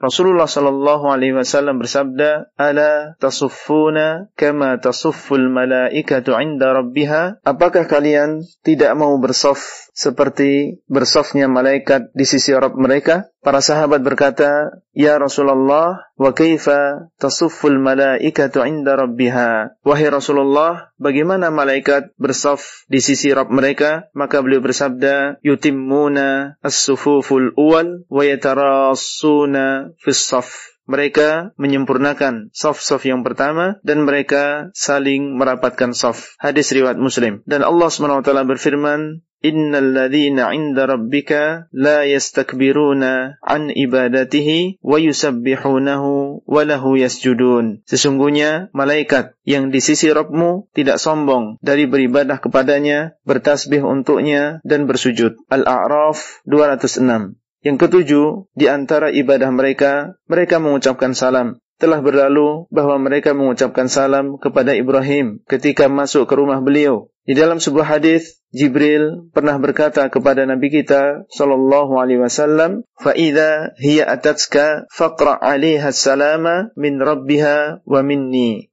Apabila Khadijah mendatangimu, maka sampaikanlah salam dari Robnya dan juga dariku. Hadis riwayat Bukhari dan Muslim. Rasulullah Shallallahu Alaihi Wasallam bersabda kepada Aisyah, Ya Aisyah, hada Jibril yaqra'u alaihi salam. Wahai Aisyah, ini adalah Jibril mengucapkan salam kepadamu. Hadis riwayat Bukhari dan Muslim. Malaikat mengucapkan salam untuk orang-orang yang beriman ketika sakaratul maut. Allah berfirman, "Alladzina tatawaffahumul malaikatu tayyibina yaquluna salamun alaikum udkhulul jannata bima kuntum ta'malun." Mereka adalah orang-orang yang diwafatkan malaikat dalam keadaan baik. Para malaikat mengatakan, keselamatan atas kalian. Masuklah kalian ke dalam surga dengan sebab apa yang kalian amalkan. An-Nahl 32. Dan mereka mengucapkan salam kepada penduduk surga. Setelah dibukanya pintu-pintu surga, Allah berfirman, وسيق الذين اتقوا ربهم إلى الجنة زمرا حتى إذا جاءوها وفتحت أبوابها وقال لهم خزنتها سلام عليكم طبتم فادخلوها خالدين dan digiring orang-orang yang bertakwa ke surga secara berkelompok-berkelompok sehingga ketika mereka mendatangi surga dan dibuka pintu-pintunya dan berkata para penjaganya keselamatan atas kalian kalian telah baik baik, maka masuklah kalian ke dalam surga selama-lamanya. Az-Zumar 73. Yang kedelapan, di antara ibadah malaikat, bahwasanya malaikat takut kepada Allah. Allah SWT berfirman, wahum min khasyatihi mushfiqun dan mereka takut kepada Allah Al-Anbiya 28 dan Allah berfirman yakhafuna rabbahum min fauqihim. mereka takut kepada Rabb mereka yang ada di atas mereka An-Nahl 50 Demikianlah ibadah para malaikat, mereka sibuk dengan ibadah ikhlas di dalamnya dan terus-menerus. Semoga Allah SWT menjadikan kita termasuk hamba-hamba Allah yang istiqamah di dalam beribadah sesuai dengan kemampuan kita sebagai manusia. Demikianlah yang bisa kita sampaikan pada halakoh kali ini dan sampai bertemu kembali pada halakoh selanjutnya. Wassalamualaikum warahmatullahi wabarakatuh. Abdullah Rai di kota Al-Madinah. Materi audio ini disampaikan di dalam grup WA Halakoh Silsilah Ilmiah HSI Abdullah Rai. Assalamualaikum warahmatullahi wabarakatuh. Alhamdulillah wassalatu wassalamu ala Rasulillah wa ala alihi wa ashabihi ajma'in. Halakoh yang ke-18 dari silsilah ilmiah beriman dengan malaikat-malaikat Allah adalah beriman dengan amalan-amalan malaikat bagian yang ketujuh. Di antara amalan malaikat yang kita diperintahkan untuk beriman dengannya adalah amalan mereka yang berkaitan dengan alam semesta. Allah adalah zat yang tidak butuh kepada makhluk. Namun Allah ingin menunjukkan kebesarannya kepada kita. Allah telah menugaskan para malaikat untuk mengatur alam semesta dengan perintah Allah izin Allah dan kehendak Allah. Allah berfirman, "Fal mudabbirati amra," maka demi malaikat yang mengatur perkara. An-Nazi'at ayat yang kelima. Di antara amalan malaikat dan tugas mereka yang berkaitan dengan alam semesta, yang pertama memikul arsh. Malaikat yang memikul arsh di hari kiamat ada delapan. Sedangkan di dunia, maka tidak ada dalil yang menerangkan jumlah mereka. Allah berfirman, "Wal malaku ala arja'iha wa yahmilu 'arsya rabbika fawqahum yawma idzin thamaniyah." dan para malaikat di pinggir-pinggir langit dan pada hari itu delapan malaikat memikul arsh Rabbmu. Al-Haqqah ayat yang ke-17. Dan Allah berfirman, "Alladzina yahmiluna al arsh wa man hawlahu yusabbihuna bihamdi rabbihim wa yu'minuna bihi wa yastaghfiruna lilladzina amanu." Dan malaikat-malaikat yang memikul arsh dan malaikat-malaikat yang di sekitar arsh bertasbih dengan memuji Rob mereka dan beriman dengan Allah dan memohonkan ampun untuk orang-orang yang beriman. Yang kedua, di antara tugas mereka yang berkaitan dengan alam semesta adalah menjaga surga Allah berfirman, "Wasiqal الَّذِينَ ittaqaw رَبَّهُمْ ilal الْجَنَّةِ zumara حَتَّى إِذَا ja'uha وَفُتِحَتْ أَبْوَابُهَا وَقَالَ لَهُمْ خَزَنَتُهَا سَلَامٌ عَلَيْكُمْ salamun فَدَخُلُوهَا خَالِدِينَ Dan digiring orang-orang yang bertakwa ke dalam surga secara berkelompok-berkelompok sehingga ketika mereka mendatangi surga dan dibuka pintu-pintunya dan berkata para penjaganya keselamatan atas kalian kalian telah baik maka masuklah ke dalam surga selama-lamanya Az-Zumar 73 dan Rasulullah sallallahu alaihi wasallam bersabda ati babal jannah yaumal qiyamah fa astaftih fa al khazin man anta fa aqulu muhammadun fa yaqulu bika umirtu la aftahu li ahadin qablak aku mendatangi pintu surga pada hari kiamat kemudian aku meminta dibukakan maka berkatalah penjaga surga siapakah kamu kemudian aku menjawab Muhammad kemudian dia berkata dengan mulah Aku diperintah, aku tidak membukanya untuk seorang pun sebelummu. Hadis riwayat Muslim. Dan di antara tugas malaikat yang berkaitan dengan alam semesta adalah menjaga neraka. Jumlah penjaga neraka ada 19 sebagaimana firman Allah alaiha tis'ata asyar. Di dalam neraka ada 19 yaitu malaikat penjaga surat al muddathir ayat yang ke-30. Para ulama berselisih tentang makna 19 ada yang mengatakan 19 malaikat tersebut adalah para pembesar penjaga neraka dan bersama mereka malaikat-malaikat yang lain yang jumlahnya sangat banyak dan ada di antara ulama yang mengatakan bahwa mereka 19 malaikat saja dan ini yang dipahami dari keterangan Ibnu Kathir dan juga Syekh Abdurrahman Sa'di di dalam tafsirnya. Di antara mereka adalah malaikat Malik di dalam hadis ketika Rasulullah Shallallahu Alaihi Wasallam Isra dan juga Mi'raj dikatakan kepada beliau wa ammar rajulu al karihul mar'ati alladhi 'inda an-nar yahushuha wa yas'a haulaha fa innahu malikun khazinu jahannam dan adapun yang sangat buruk rupanya yang berada di neraka menghidupkan api dan berjalan di sekitarnya maka dia adalah Malik penjaga neraka hadis riwayat Bukhari penyebutan jumlah penjaga neraka ini adalah ujian. Kita harus beriman dengan jumlah 19 tersebut, harus yakin dan tidak boleh ragu-ragu Allah SWT berfirman, وَمَا جَعَلْنَا أَصْحَابَ النَّارِ إِلَّا مَلَائِكَةً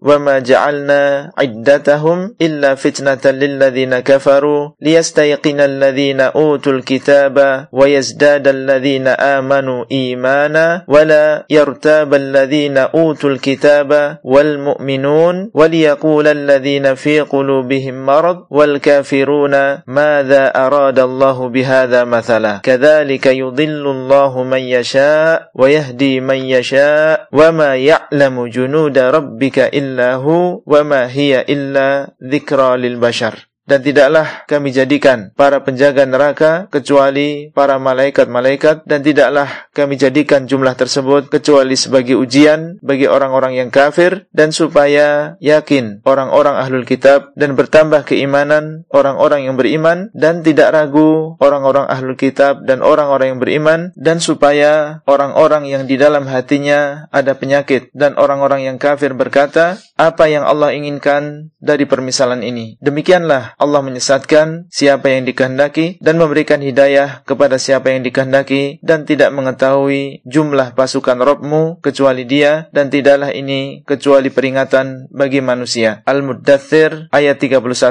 Merekalah yang kelak akan menyambut penduduk neraka dan mencela mereka. Allah berfirman, "Wasiqal ladzina kafaru ila jahannama zumara hatta idza ja'uha futihat abwabuha wa qala lahum khazanatuha alam ya'tikum rusulun minkum yatluna 'alaikum ayati rabbikum wa yundirunakum liqa'a yaumikum hadza?" Qalu bala walakin haqqat kalimatul 'adzabi 'alal kafirin qila dakhulu abwaaba jahannama khalidina fiha fabi samathwal mutakabbirin dan akan digiring orang-orang kafir ke dalam jahanam berkelompok-berkelompok sehingga apabila mereka mendatanginya dibukalah pintu-pintu jahanam dan berkatalah para penjaga neraka kepada mereka bukankah telah datang kepada kalian rasul-rasul dari kalangan kalian yang membacakan atas kalian ayat-ayat Rob kalian dan memperingatkan kalian dengan pertemuan hari kalian ini mereka menjawab iya akan tetapi tetapi telah tetap kalimat azab bagi orang-orang yang kafir. Dikatakan kepada mereka, masuklah kalian ke dalam pintu-pintu jahannam dalam keadaan kekal di dalamnya, maka jahannam adalah sejelek-jelek tempat kembali bagi orang-orang yang sombong. Az-Zumar 71 sampai 72.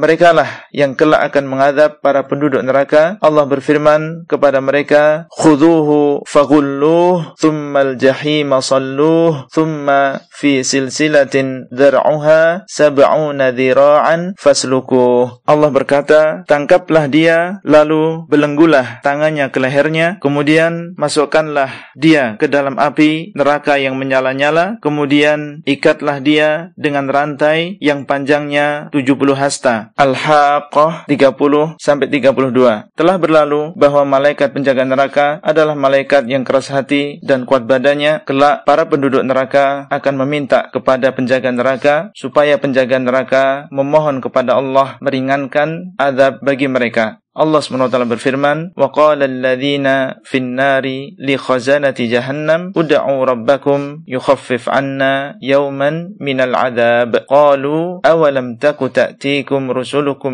بِالْبَيِّنَاتِ قَالُوا بَلَا قَالُوا فَادْعُوا وَمَا دُعَاءُ الْكَافِرِينَ إِلَّا فِي ضَلَالٍ Dan berkata para penduduk neraka kepada para penjaga jahanam, hendaklah kalian meminta kepada Rob kalian supaya meringankan bagi kami satu hari dari adab ini. Para penjaga mengatakan, bukankah telah datang kepada kalian, rasul-rasul kalian, dengan bukti-bukti yang nyata? Mereka mengatakan, iya, maka berkata para penjaga, maka hendaklah kalian berdoa sendiri, dan tidaklah doa orang-orang yang kafir, kecuali dalam kesia-siaan. Ghafir 49 50. Itulah yang bisa kita sampaikan pada halakoh kali ini dan sampai bertemu kembali pada halakoh selanjutnya. Wassalamualaikum warahmatullahi wabarakatuh. Abdullah Rai di kota Al-Madinah. Materi audio ini disampaikan di dalam grup WA Halakoh Silsilah Ilmiah HSI Abdullah Rai. Assalamualaikum warahmatullahi wabarakatuh. Alhamdulillah wassalatu wassalamu ala Rasulillah wa ala alihi wa sahbihi ajma'in. Halakoh yang ke-19 dari silsilah ilmiah beriman dengan malaikat-malaikat Allah adalah beriman dengan amalan-amalan malaikat bagian kedelapan. Di antara amalan malaikat dan tugas mereka yang berkaitan dengan alam semesta, yang keempat adalah menjalankan awan dan menurunkan hujan. Allah SWT berfirman, Fazzajirati zajra, maka demi malaikat-malaikat yang menggiring awan, As-Saffat, ayat yang kedua dan di antara malaikat-malaikat tersebut adalah ar-ra'at sebagaimana telah berlalu hadisnya. Di dalam hadis yang diriwayatkan oleh Imam Muslim, Nabi sallallahu alaihi wasallam mengabarkan bahwa suatu saat seorang laki-laki sedang di tanah yang lapang, tiba-tiba dia mendengar suara dari arah mendung, airilah kebun fulan. Maka bergeraklah awan tersebut dan mencurahkan airnya di suatu bidang tanah. Yang kelima, di antara amalan malaikat dan tugas mereka yang berkaitan dengan alam semesta semesta adalah mengurus gunung. Rasulullah Shallallahu alaihi wasallam bersabda, "Fanadhartu fa idza fiha Jibril fanadani faqala Allah qad sami'a qawla qaumika laka wa ma raddu 'alaik wa qad ba'atha ilaika malakal jibal lita'murahu bima syi'ta fihim." Fanadani malakul jibal fasallama 'alayya thumma qala ya Muhammad faqala dhalika fima syi'ta in syi'ta أن أطبق عليهم الأخشبين Maka aku melihat tiba-tiba Jibril memanggilku dan berkata, Sesungguhnya Allah telah mendengar ucapan kaummu kepadamu dan bantahan mereka kepadamu. Dan sungguh Allah telah mengutus malaikat gunung supaya kamu memerintahnya sesuai dengan kehendakmu. Kemudian malaikat gunung memanggilku dan mengucapkan salam kepadaku dan berkata, Wahai Muhammad, seperti yang diucapkan Jibril, kalau kamu menghendaki, maka aku akan menjatuhkan dua gunung yang keras ini ini ke atas mereka. Hadis riwayat Bukhari dan Muslim. Yang keenam, meniup sangkakala. Rasulullah sallallahu alaihi wasallam bersabda, kaifa an'amu wa qadil taqama sahibul qarni al-qarn wa hana jabhatahu wa asgha sam'ahu yantadhiru ay yu'mara ay yanfukha fayanfukh Bagaimana aku bisa merasa nikmat sedangkan peniup sangkakala telah menaruh sangkakala di mulutnya, mengerutkan dahi, memasang telinganya, menunggu sewaktu-waktu diperintahkan oleh Allah untuk meniup, maka dia akan meniup. Hadis sahih diriwayatkan oleh At-Tirmidzi. Dan telah berlalu sebagian sifat malaikat peniup sangkakala. Itulah yang bisa kita sampaikan pada halaqah kali ini dan sampai bertemu kembali pada halaqah selanjutnya. Wassalamualaikum warahmatullahi wabarakatuh. Abdullah Rai di kota Al-Madinah. Materi audio ini disampaikan di dalam grup WA Halakoh Silsilah Ilmiah HSI Abdullah Rai. Assalamualaikum warahmatullahi wabarakatuh. Alhamdulillah wassalatu wassalamu ala Rasulillah wa ala alihi wa sahbihi ajma'in. Halakah yang ke-20 dari silsilah ilmiah beriman dengan malaikat-malaikat Allah adalah beriman dengan amalan-amalan malaikat bagian yang kesembilan. Di antara amalan malaikat dan tugas mereka yang berkaitan dengan alam semesta, yang ketujuh adalah menjaga kota Mekah dan Madinah.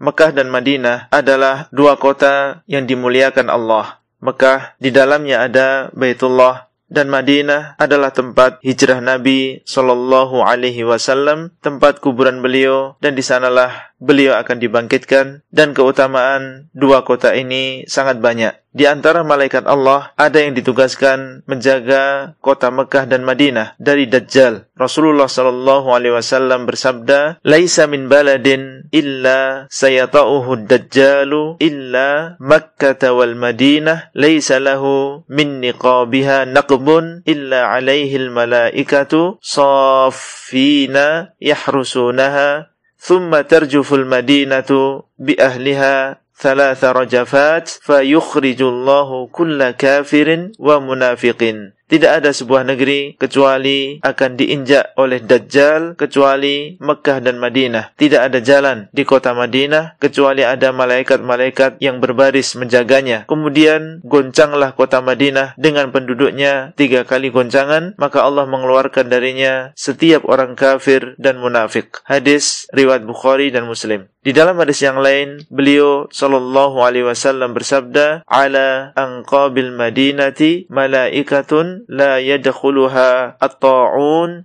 dajjal." Di seluruh jalan-jalan Madinah ada malaikat-malaikat, Madinah tidak akan dimasuki wabah penyakit dan dajjal. Hadis riwayat Bukhari dan Muslim. Yang kedelapan adalah menaungi negeri Syam. Negeri Syam adalah negeri yang Allah berkahi. Di sana ada Masjidil Aqsa, salah satu masjid yang kita dianjurkan untuk ke sana dalam rangka ibadah. Masjidil Aqsa adalah tempat Nabi sallallahu alaihi wasallam berisra dan dari sanalah beliau dimi'rajkan ke langit. Allah telah menugaskan sebagian malaikat untuk membentangkan sayapnya di sana. Rasulullah sallallahu alaihi wasallam bersabda, "Tuba lisyam." Keberuntungan bagi negeri Syam. Maka para sahabat radhiyallahu anhum berkata, "Li ayyi dzalika ya Rasulullah?" Mengapa yang demikian wahai Rasulullah? Qal, maka beliau sallallahu alaihi wasallam berkata, "Li anna malaikatar rahmani basitatun ajnihataha 'alaiha." karena malaikat-malaikat Ar-Rahman membentangkan sayap mereka atas negeri Syam. Hadis sahih diriwayatkan oleh At-Tirmidhi. Demikianlah sebagian tugas malaikat yang berkaitan dengan alam semesta. Allah lah yang memerintahkan malaikat, mengizinkan mereka dan menghendaki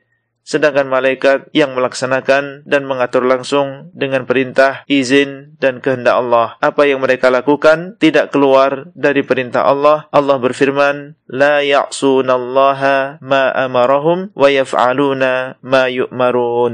Mereka tidak memaksiati Allah di dalam apa yang Allah perintahkan dan mereka mengerjakan apa yang diperintahkan. At-Tahrim ayat yang ke-6. Itulah yang bisa kita sampaikan pada halaqah kali ini dan sampai bertemu kembali pada halaqah selanjutnya. Wassalamualaikum warahmatullahi wabarakatuh. Abdullah Rai di kota Al-Madinah. Materi audio ini disampaikan di dalam grup WA Halaqah Silsilah Ilmiah HSI Abdullah Rai. Assalamualaikum warahmatullahi wabarakatuh. Alhamdulillah wassalatu wassalamu ala Rasulillah wa ala alihi wa sahbihi ajma'in. Halaqah yang ke-21 dari silsilah ilmiah beriman dengan malaikat-malaikat Allah adalah beriman dengan amalan-amalan malaikat bagian ke-10. Di antara amalan malaikat yang kita diperintahkan untuk beriman dengannya adalah amalan mereka yang berkaitan dengan manusia, mulai dari awal penciptaan manusia di dalam perut ibunya, penulisan takdir, penulisan ucapan dan perbuatan dia selama di dunia, pencabutan roh dan seterusnya. Di antara amalan malaikat dan tugas mereka yang berkaitan dengan manusia, yang pertama perantara antara Allah dan antara hamba-hambanya dari kalangan manusia. Di antara malaikat ada yang Allah berikan tugas menyampaikan wahyu kepada para nabi dan rasul.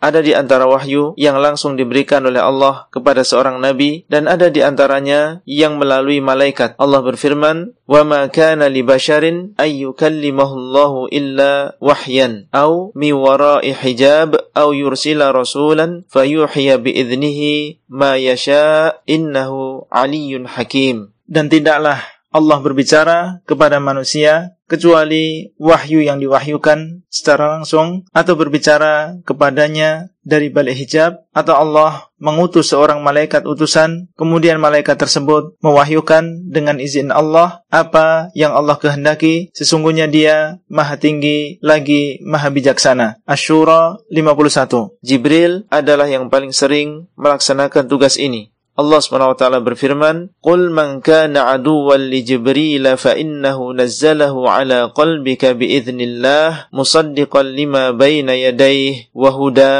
وَبُشْرَى لِلْمُؤْمِنِينَ Katakanlah, barang siapa yang menjadi musuh bagi Jibril, maka sesungguhnya dia telah menurunkan Al-Quran atas hatimu dengan izin Allah, membenarkan apa yang sebelumnya, petunjuk dan kabar gembira bagi orang-orang yang beriman. Al-Baqarah 97 Dan terkadang, selain Jibril, juga turun membawa wahyu sebagaimana ucapan Abdullah bin Abbas radhiyallahu anhuma bainama Jibrilu qa'idun عند النبي صلى الله عليه وسلم سمع نقيضا من فوقه فرفع رأسه فقال هذا باب من السماء فتح اليوم لم يفتح قط إلا اليوم فنزل منه ملك فقال هذا ملك نزل إلى الأرض لم ينزل قط إلا اليوم فسلم وقال أبشر بنورين أوتيتهما لم يؤتهما نبي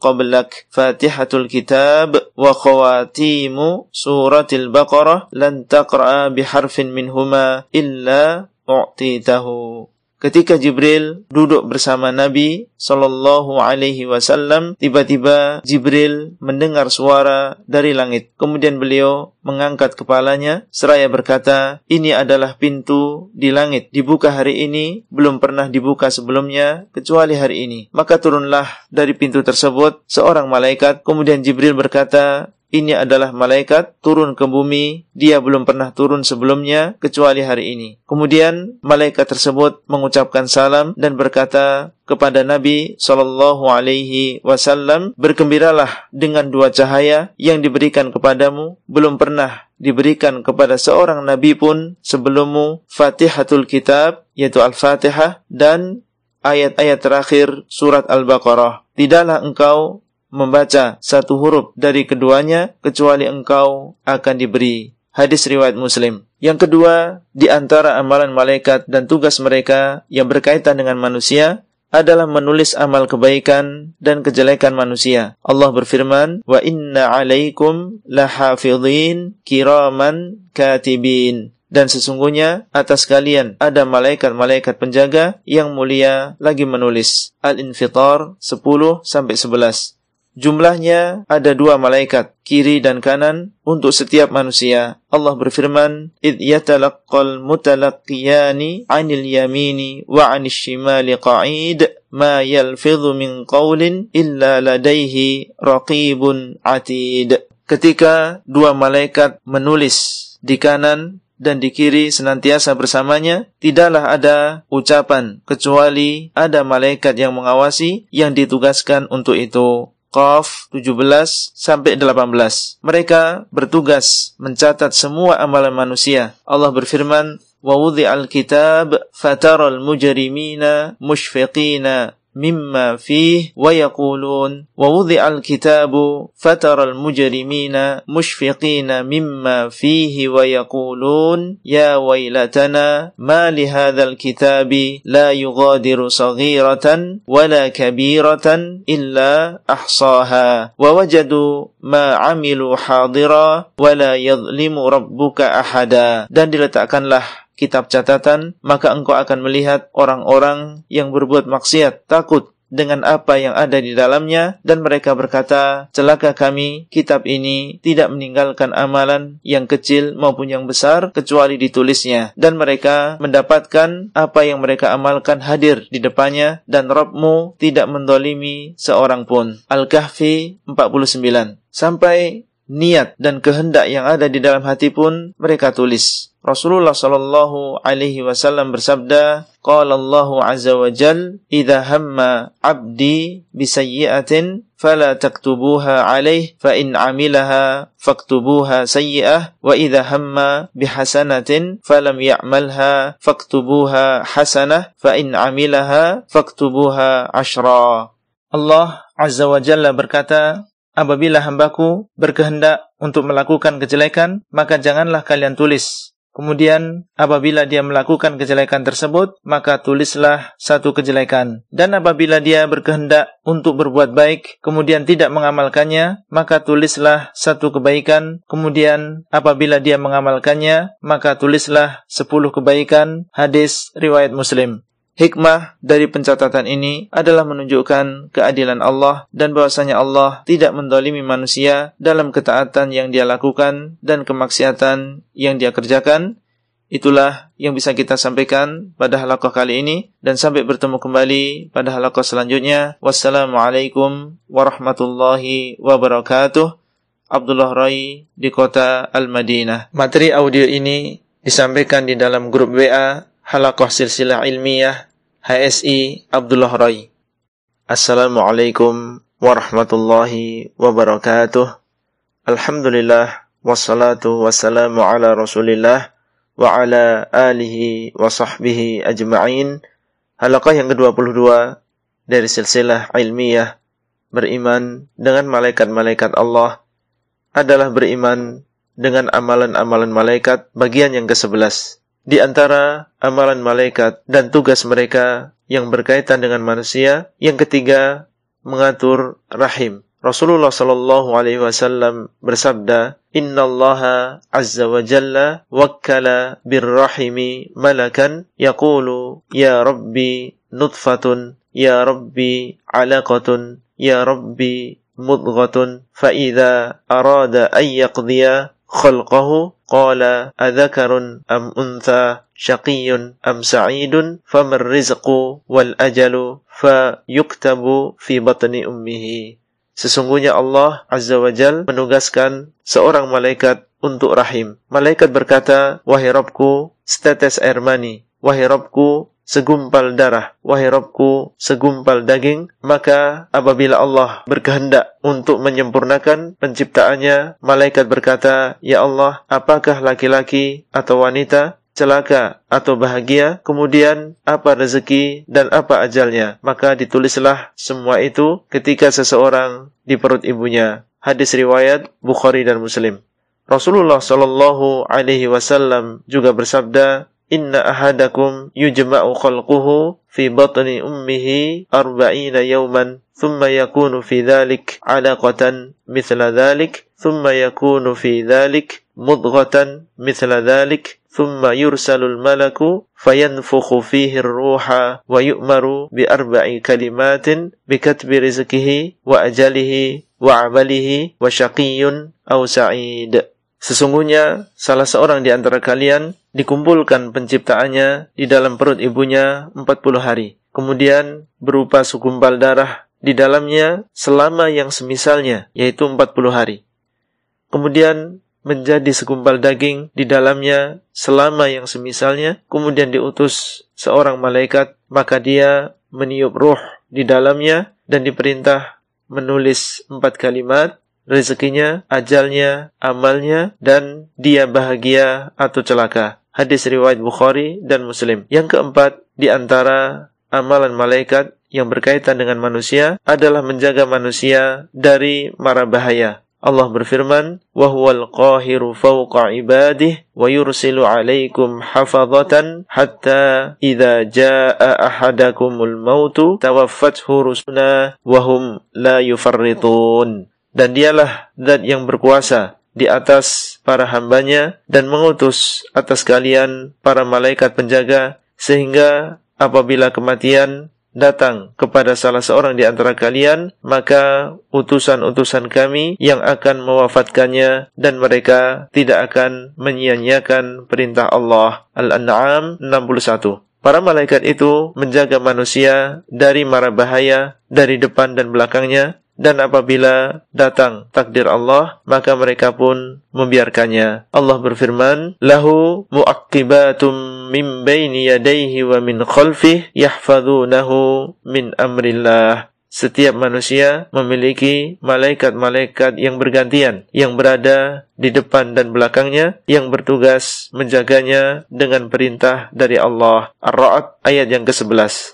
Ibnu Kathir rahimahullah menyebutkan bahwa malaikat yang mengikuti setiap manusia ada empat. Dua malaikat sebagai pencatat amal di kanan dan di kiri, dan dua malaikat sebagai penjaga dari bahaya di depan dan belakang. Mereka ini bergantian dengan empat malaikat yang lain setiap malam dan siang. Rasulullah Shallallahu Alaihi Wasallam bersabda, "Yata'aqabuna fikum malaikatun bil laili wa malaikatun bin nahari wa yajtami'una fi salatil fajri wa salatil asri thumma ya'ruju alladhina batu fikum fayas'aluhum wa huwa a'lamu bihim kayfa taraktum ibadi fayaqulun taraknahum wa hum yusallun wa atainahum wa hum yusallun bersama kalian ada malaikat-malaikat yang bergantian beberapa malaikat di malam hari dan beberapa malaikat di siang hari dan mereka berkumpul ketika sholat subuh dan sholat asar. Kemudian naiklah malaikat yang bermalam bersama kalian, maka Allah bertanya kepada mereka, sedangkan Allah lebih tahu tentang mereka. Bagaimana keadaan hamba-hambaku ketika kalian meninggalkan mereka? Maka mereka berkata, kami meninggalkan mereka, sedangkan mereka dalam keadaan sholat. Dan kami mendatangi mereka sedangkan mereka dalam keadaan salat. Hadis riwayat Bukhari dan Muslim. Di antara amalan malaikat yang berkaitan dengan manusia adalah mendorong manusia untuk berbuat baik. Rasulullah Shallallahu alaihi wasallam bersabda, "Ma minkum min ahadin illa waqad wukkila bihi qarinuhu minal jin."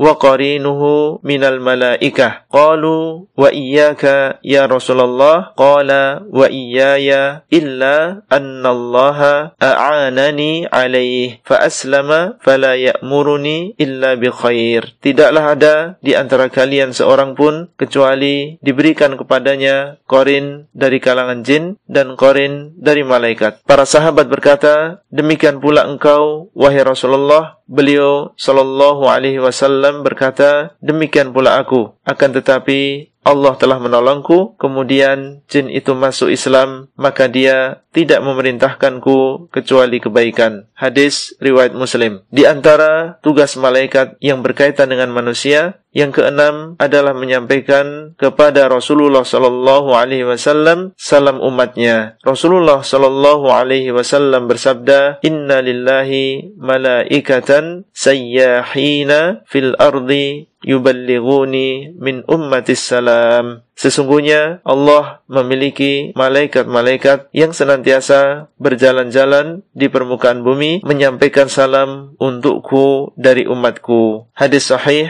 riwayat Nasai. Itulah yang bisa kita sampaikan pada halakoh kali ini dan sampai bertemu kembali pada halakoh selanjutnya. Wassalamualaikum warahmatullahi wabarakatuh. Abdullah Rai di kota Al-Madinah. Materi audio ini disampaikan di dalam grup WA Halakoh Silsilah Ilmiah HSI Abdullah Rai. Assalamualaikum warahmatullahi wabarakatuh. Alhamdulillah wassalatu wassalamu ala rasulillah wa ala alihi wa sahbihi ajma'in. Halakah yang ke-23 dari silsilah ilmiah beriman dengan malaikat-malaikat Allah adalah beriman dengan amalan-amalan malaikat bagian yang ke-12. Di antara amalan malaikat dan tugas mereka yang berkaitan dengan manusia adalah yang ketujuh menghadiri majelis zikir dan majelis ilmu. Rasulullah Shallallahu alaihi wasallam bersabda, وما اجتمع قوم في بيت من بيوت الله يتلون كتاب الله ويتدارسون بينهم إلا نزلت عليهم السكينة وغشيتهم الرحمة وحفتهم الملائكة وذكرهم الله في من عنده dan tidaklah berkumpul sebuah kaum di rumah di antara rumah-rumah Allah, mereka membaca kitab Allah dan mempelajarinya di antara mereka, kecuali akan turun atas mereka ketenangan, akan menyelimuti mereka, rahmat menaungi mereka, malaikat-malaikat, dan Allah akan menyebut-nyebut mereka di hadapan para malaikat yang ada di sisinya. Hadis riwayat Muslim dan telah berlalu dalil yang lain pada halakoh ke-16. Yang kedelapan, mencatat orang-orang yang hadir sholat Jumat. Rasulullah Shallallahu Alaihi Wasallam bersabda, "Idza kana yaumul jumu'ati, waqafatil malaikatu ala babil masjidi yaktubuna al-awwal fal-awwal, wa mathalul muhajjir kamathalil ladzi yuhdi badanah, thumma kalladzi yuhdi baqarah, thumma kabshan, thumma dajajah, thumma baydatan, fa idza kharajal imamu tawau suhufahum wa yastami'una adh-dhikra."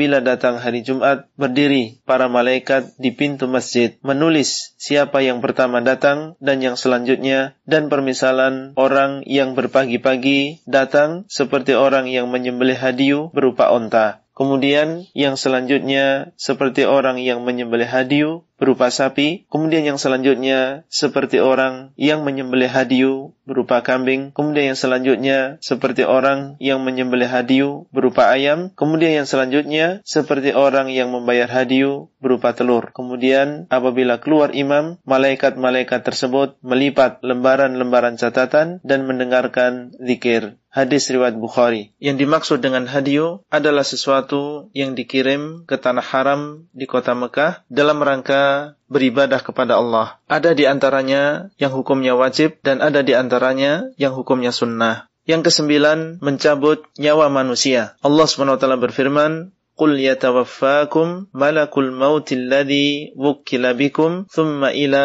رَبِّكُمْ تُرْجَعُونَ Katakanlah akan mewafatkan kalian malaikat maut yang telah ditugaskan kepada kalian kemudian kalian akan dikembalikan kepada Rabb kalian As-Sajdah ayat 11 di dalam hadis Bara ibnu Azib yang diriwayatkan Imam Ahmad, Abu Dawud, Nasai dan hadisnya sahih, malaikat maut akan dibantu oleh malaikat-malaikat yang lain. Setelah malaikat maut mengeluarkan nyawa dari badan, maka langsung diterima oleh malaikat-malaikat lain yang bertugas membawanya ke atas. Ada di antara manusia tersebut yang baik dan soleh dan dibawa oleh malaikat-malaikat rahmat dan ada yang mendolimi dirinya sendiri maka dibawa oleh malaikat-malaikat adab dan Allah swt berfirman alladzina tatawaffahumul malaikatu zalimi anfusihim orang-orang yang diwafatkan oleh para malaikat dalam keadaan mendolimi diri mereka sendiri An-Nahl 28 dan Allah berfirman alladzina tatawaffahumul malaikatu tayyibin orang-orang yang diwafatkan oleh para malaikat dalam keadaan mereka baik An-Nahl 32 Yang kesepuluh, menanyai manusia di alam kubur, memberi nikmat kubur dan adab kubur. Rasulullah Shallallahu Alaihi Wasallam bersabda, yang artinya seorang hamba apabila diletakkan di kuburnya, ditinggalkan dan pergi para sahabatnya sampai-sampai dia mendengar suara sandal mereka, maka datanglah dua malaikat dan mendudukkannya. Kemudian berkata, apa yang engkau katakan tentang laki-laki ini? Muhammad Shallallahu Alaihi Wasallam. Dia berkata, aku bersaksi bahwa dia adalah hamba Allah dan Rasulnya, maka dikatakan kepadanya, lihat tempatmu di neraka, sungguh Allah telah menggantikannya untukmu sebuah tempat di surga. Berkata Nabi Shallallahu Alaihi Wasallam, maka orang tersebut melihat kedua tempat semuanya. Dan adapun orang yang kafir atau munafik, maka dia berkata, aku tidak tahu, aku dahulu mengatakan apa yang dikatakan manusia. Maka dikatakan kepadanya, kamu tidak tahu dan tidak mengikuti. me kemudian dipukul dengan palu dari besi dengan sebuah pukulan di antara dua telinganya, maka dia berteriak dengan sebuah teriakan yang didengar oleh apa yang ada di sekitarnya kecuali jin dan manusia. Hadis riwayat Bukhari dan Muslim. Dan di antara amalan malaikat yang berkaitan dengan manusia yang ke-11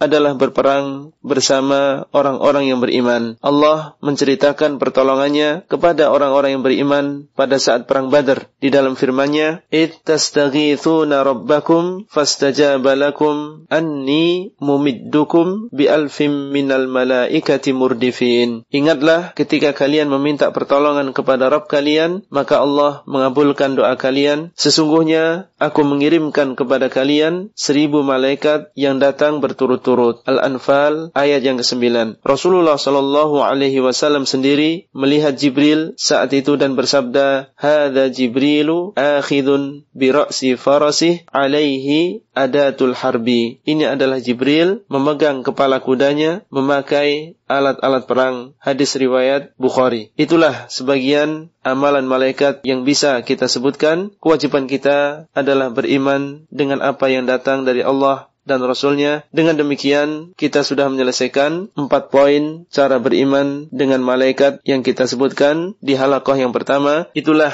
yang bisa kita sampaikan pada halakoh kali ini dan sampai bertemu kembali pada halakoh selanjutnya. Wassalamualaikum warahmatullahi wabarakatuh. Abdullah Rai di kota Al-Madinah. Materi audio ini disampaikan di dalam grup WA Halakoh Silsilah Ilmiah HSI Abdullah Rai. Assalamualaikum warahmatullahi wabarakatuh. Alhamdulillah wassalatu wassalamu ala Rasulillah wa ala alihi wa sahbihi ajma'in. Halaqah yang ke-24 dari silsilah ilmiah beriman dengan malaikat-malaikat Allah adalah tentang beberapa penyimpangan dalam hal iman dengan malaikat-malaikat Allah dan penjelasan tentang beberapa hak malaikat. Di antara penyimpangan dalam hal iman dengan malaikat-malaikat Allah adalah yang pertama mengingkari keberadaan malaikat.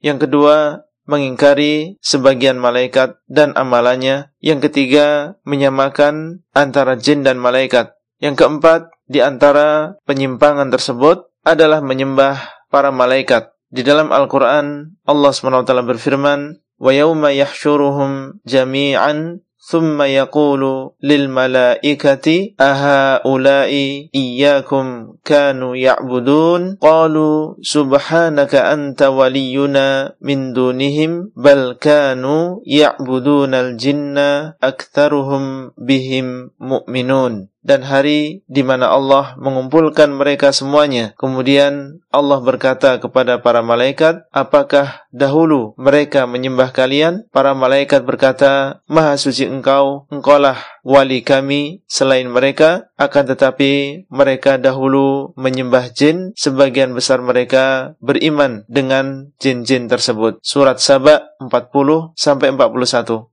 Yang kelima, di antara penyimpangan dalam hal iman dengan malaikat adalah memusuhi mereka. Allah SWT berfirman, man kana aduwan lillahi wa malaikatihi wa rusulihi wa jibril wa mikal fa innallaha aduwwul lil kafirin barang siapa yang memusuhi Allah malaikat-malaikatnya rasul-rasulnya jibril dan mikail maka sesungguhnya Allah adalah musuh bagi orang-orang yang kafir al-baqarah 98 yang keenam di antara penyimpangan meyakini bahwa malaikat berjenis kelamin wanita wanita dan bahwasanya malaikat adalah anak wanita Allah. Allah Subhanahu wa taala berfirman, "Fastaftihim ali rabbikal banatu wa lahumul banun am khalaqnal malaikata inathan wa hum syahidun." Maka tanyakanlah kepada mereka, "Apakah anak-anak wanita itu untuk Tuhanmu, sedangkan untuk mereka anak-anak laki-laki? Atau apakah kami menciptakan malaikat-malaikat dengan jenis kelamin wanita, sedangkan mereka menyaksikan? Surat As-Saffat 149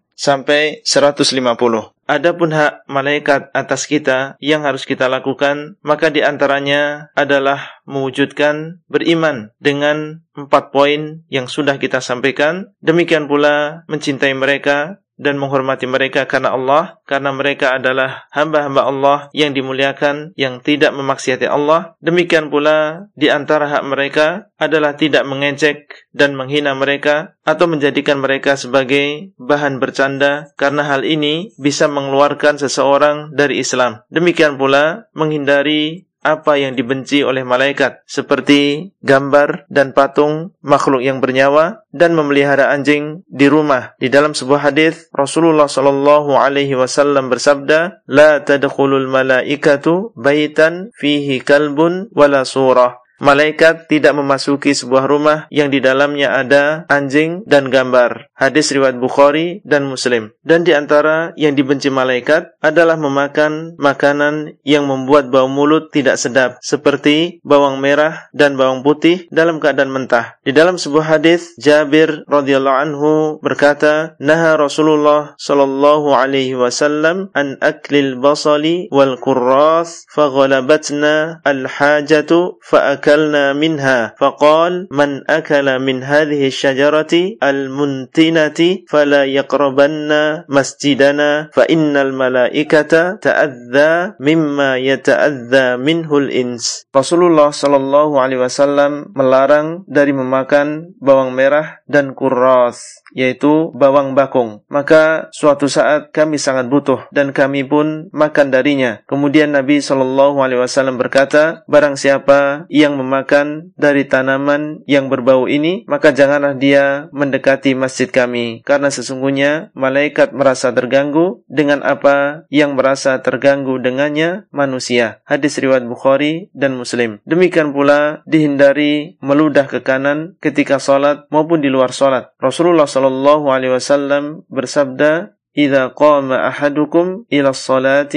فلا يبصق أمامه فإنما يناجي الله ما دام في مصلاه ولا عن يمينه فإن عن يمينه ملكا وليبصق عن يساره أو تحت قدمه فيدفنها Apabila salah seorang di antara kalian berdiri untuk solat, maka janganlah meludah ke depan, karena sesungguhnya dia sedang menghadap Allah selama masih di tempat solatnya. Dan jangan pula meludah ke kanan, karena di sebelah kanan ada malaikat dan hendaknya meludah ke kiri atau ke bawah kakinya, kemudian memendamnya. Hadis riwayat Bukhari dan Muslim. Maksud dari meludah ke kiri atau ke bawah kakinya di sini adalah apabila di luar masjid dan maksud memendamnya apabila lantai masjid berupa tanah. Itulah yang bisa kita sampaikan pada halakoh kali ini dan sampai bertemu kembali pada halakoh selanjutnya. Wassalamualaikum warahmatullahi wabarakatuh. Abdullah Rai di kota Al-Madinah. Materi audio ini disampaikan di dalam grup WA Halakoh Silsilah Ilmiah HSI Abdullah Roy. Assalamualaikum warahmatullahi wabarakatuh. Alhamdulillah wassalatu wassalamu ala Rasulillah wa ala alihi wa sahbihi ajma'in. Halaqah yang ke-25 dari silsilah ilmiah beriman dengan malaikat-malaikat Allah adalah tentang buah beriman dengan malaikat-malaikat Allah. Di antara buah dan manfaat beriman dengan malaikat-malaikat Allah di dunia dan di akhirat. Yang pertama, beriman dengan malaikat adalah bagian dari mewujudkan keimanan yang tersebut keutamaan-keutamaannya di dalam Al-Quran dan hadis. Di antaranya adalah mendapatkan hidayah di dunia, keamanan di akhirat, masuk ke dalam surga, dan lain-lain. Yang kedua, semakin mengagungkan Allah karena seseorang ketika mendengar tentang sangat besarnya seorang malaikat dia menyadari bahwa Allah yang menciptakan malaikat tersebut lebih besar. Dan seseorang apabila dia mendengar bahwa Allah memiliki hamba-hamba yang sangat banyak, pasukan-pasukan yang tidak mengetahui jumlahnya kecuali Allah, maka dia menyadari bahwa Allah dialah Raja yang hak, yang berkuasa, yang maha tinggi, yang maha besar, yang mengatur seluruh perkara. Maka keyakinan ini membawa dia untuk hanya menyembah kepada Allah dan meninggalkan penyembahan kepada selain Allah. Yang ketiga, menjadikan seseorang tawadhu dan jauh dari sifat sombong dan riak di dalam ibadahnya karena dia mengetahui bahwa di sana ada para malaikat yang jauh lebih banyak ibadahnya kepada Allah dan mereka tidak memaksiati Allah yang keempat, mengetahui rahasia-rahasia alam yang sangat teratur dan kejadian-kejadian yang ada di dalamnya dan bahwasanya di sana ada malaikat-malaikat yang Allah tugaskan dengan amalan-amalan yang berkaitan dengan alam semesta dan manusia. Yang kelima, mencintai amal soleh karena di sana ada malaikat yang menulis amal kebaikan dan di sana ada malaikat-malaikat yang mendoakan dengan kebaikan bagi orang yang melakukan beberapa jenis amal saleh. Yang keenam, membenci kemaksiatan dan menjauhinya karena di sana ada malaikat-malaikat yang mencatat ucapan dan perbuatannya dan di sana ada malaikat-malaikat yang mendoakan dengan kejelekan dan laknat bagi orang yang melakukan beberapa jenis kemaksiatan. Yang ketujuh, meniru dan meneladani para malaikat di dalam ibadah, ketaatan, dan rasa takut mereka kepada Allah. Yang kedelapan, bersyukur kepada Allah atas kenikmatan yang besar ini, di mana Allah menugaskan para malaikat untuk melakukan beberapa amalan yang berkaitan dengan alam semesta dan manusia. Alhamdulillah, Allah Tadi bini'matihi tatimmu salihat. Dengan demikian kita sudah menyelesaikan silsilah ilmiah yang keenam tentang beriman dengan malaikat-malaikat Allah. Semoga apa yang kita sampaikan bermanfaat dan bisa diamalkan dalam kehidupan sehari-hari dan sampai bertemu kembali insyaallah pada silsilah ilmiah yang ketujuh yaitu tentang beriman dengan kitab-kitab Allah. Wallahu taala a'lam Wassalamualaikum warahmatullahi wabarakatuh. Abdullah Rai di kota Al-Madinah. Materi audio ini disampaikan di dalam grup WA Halakoh Silsilah Ilmiah HSI Abdullah Rai.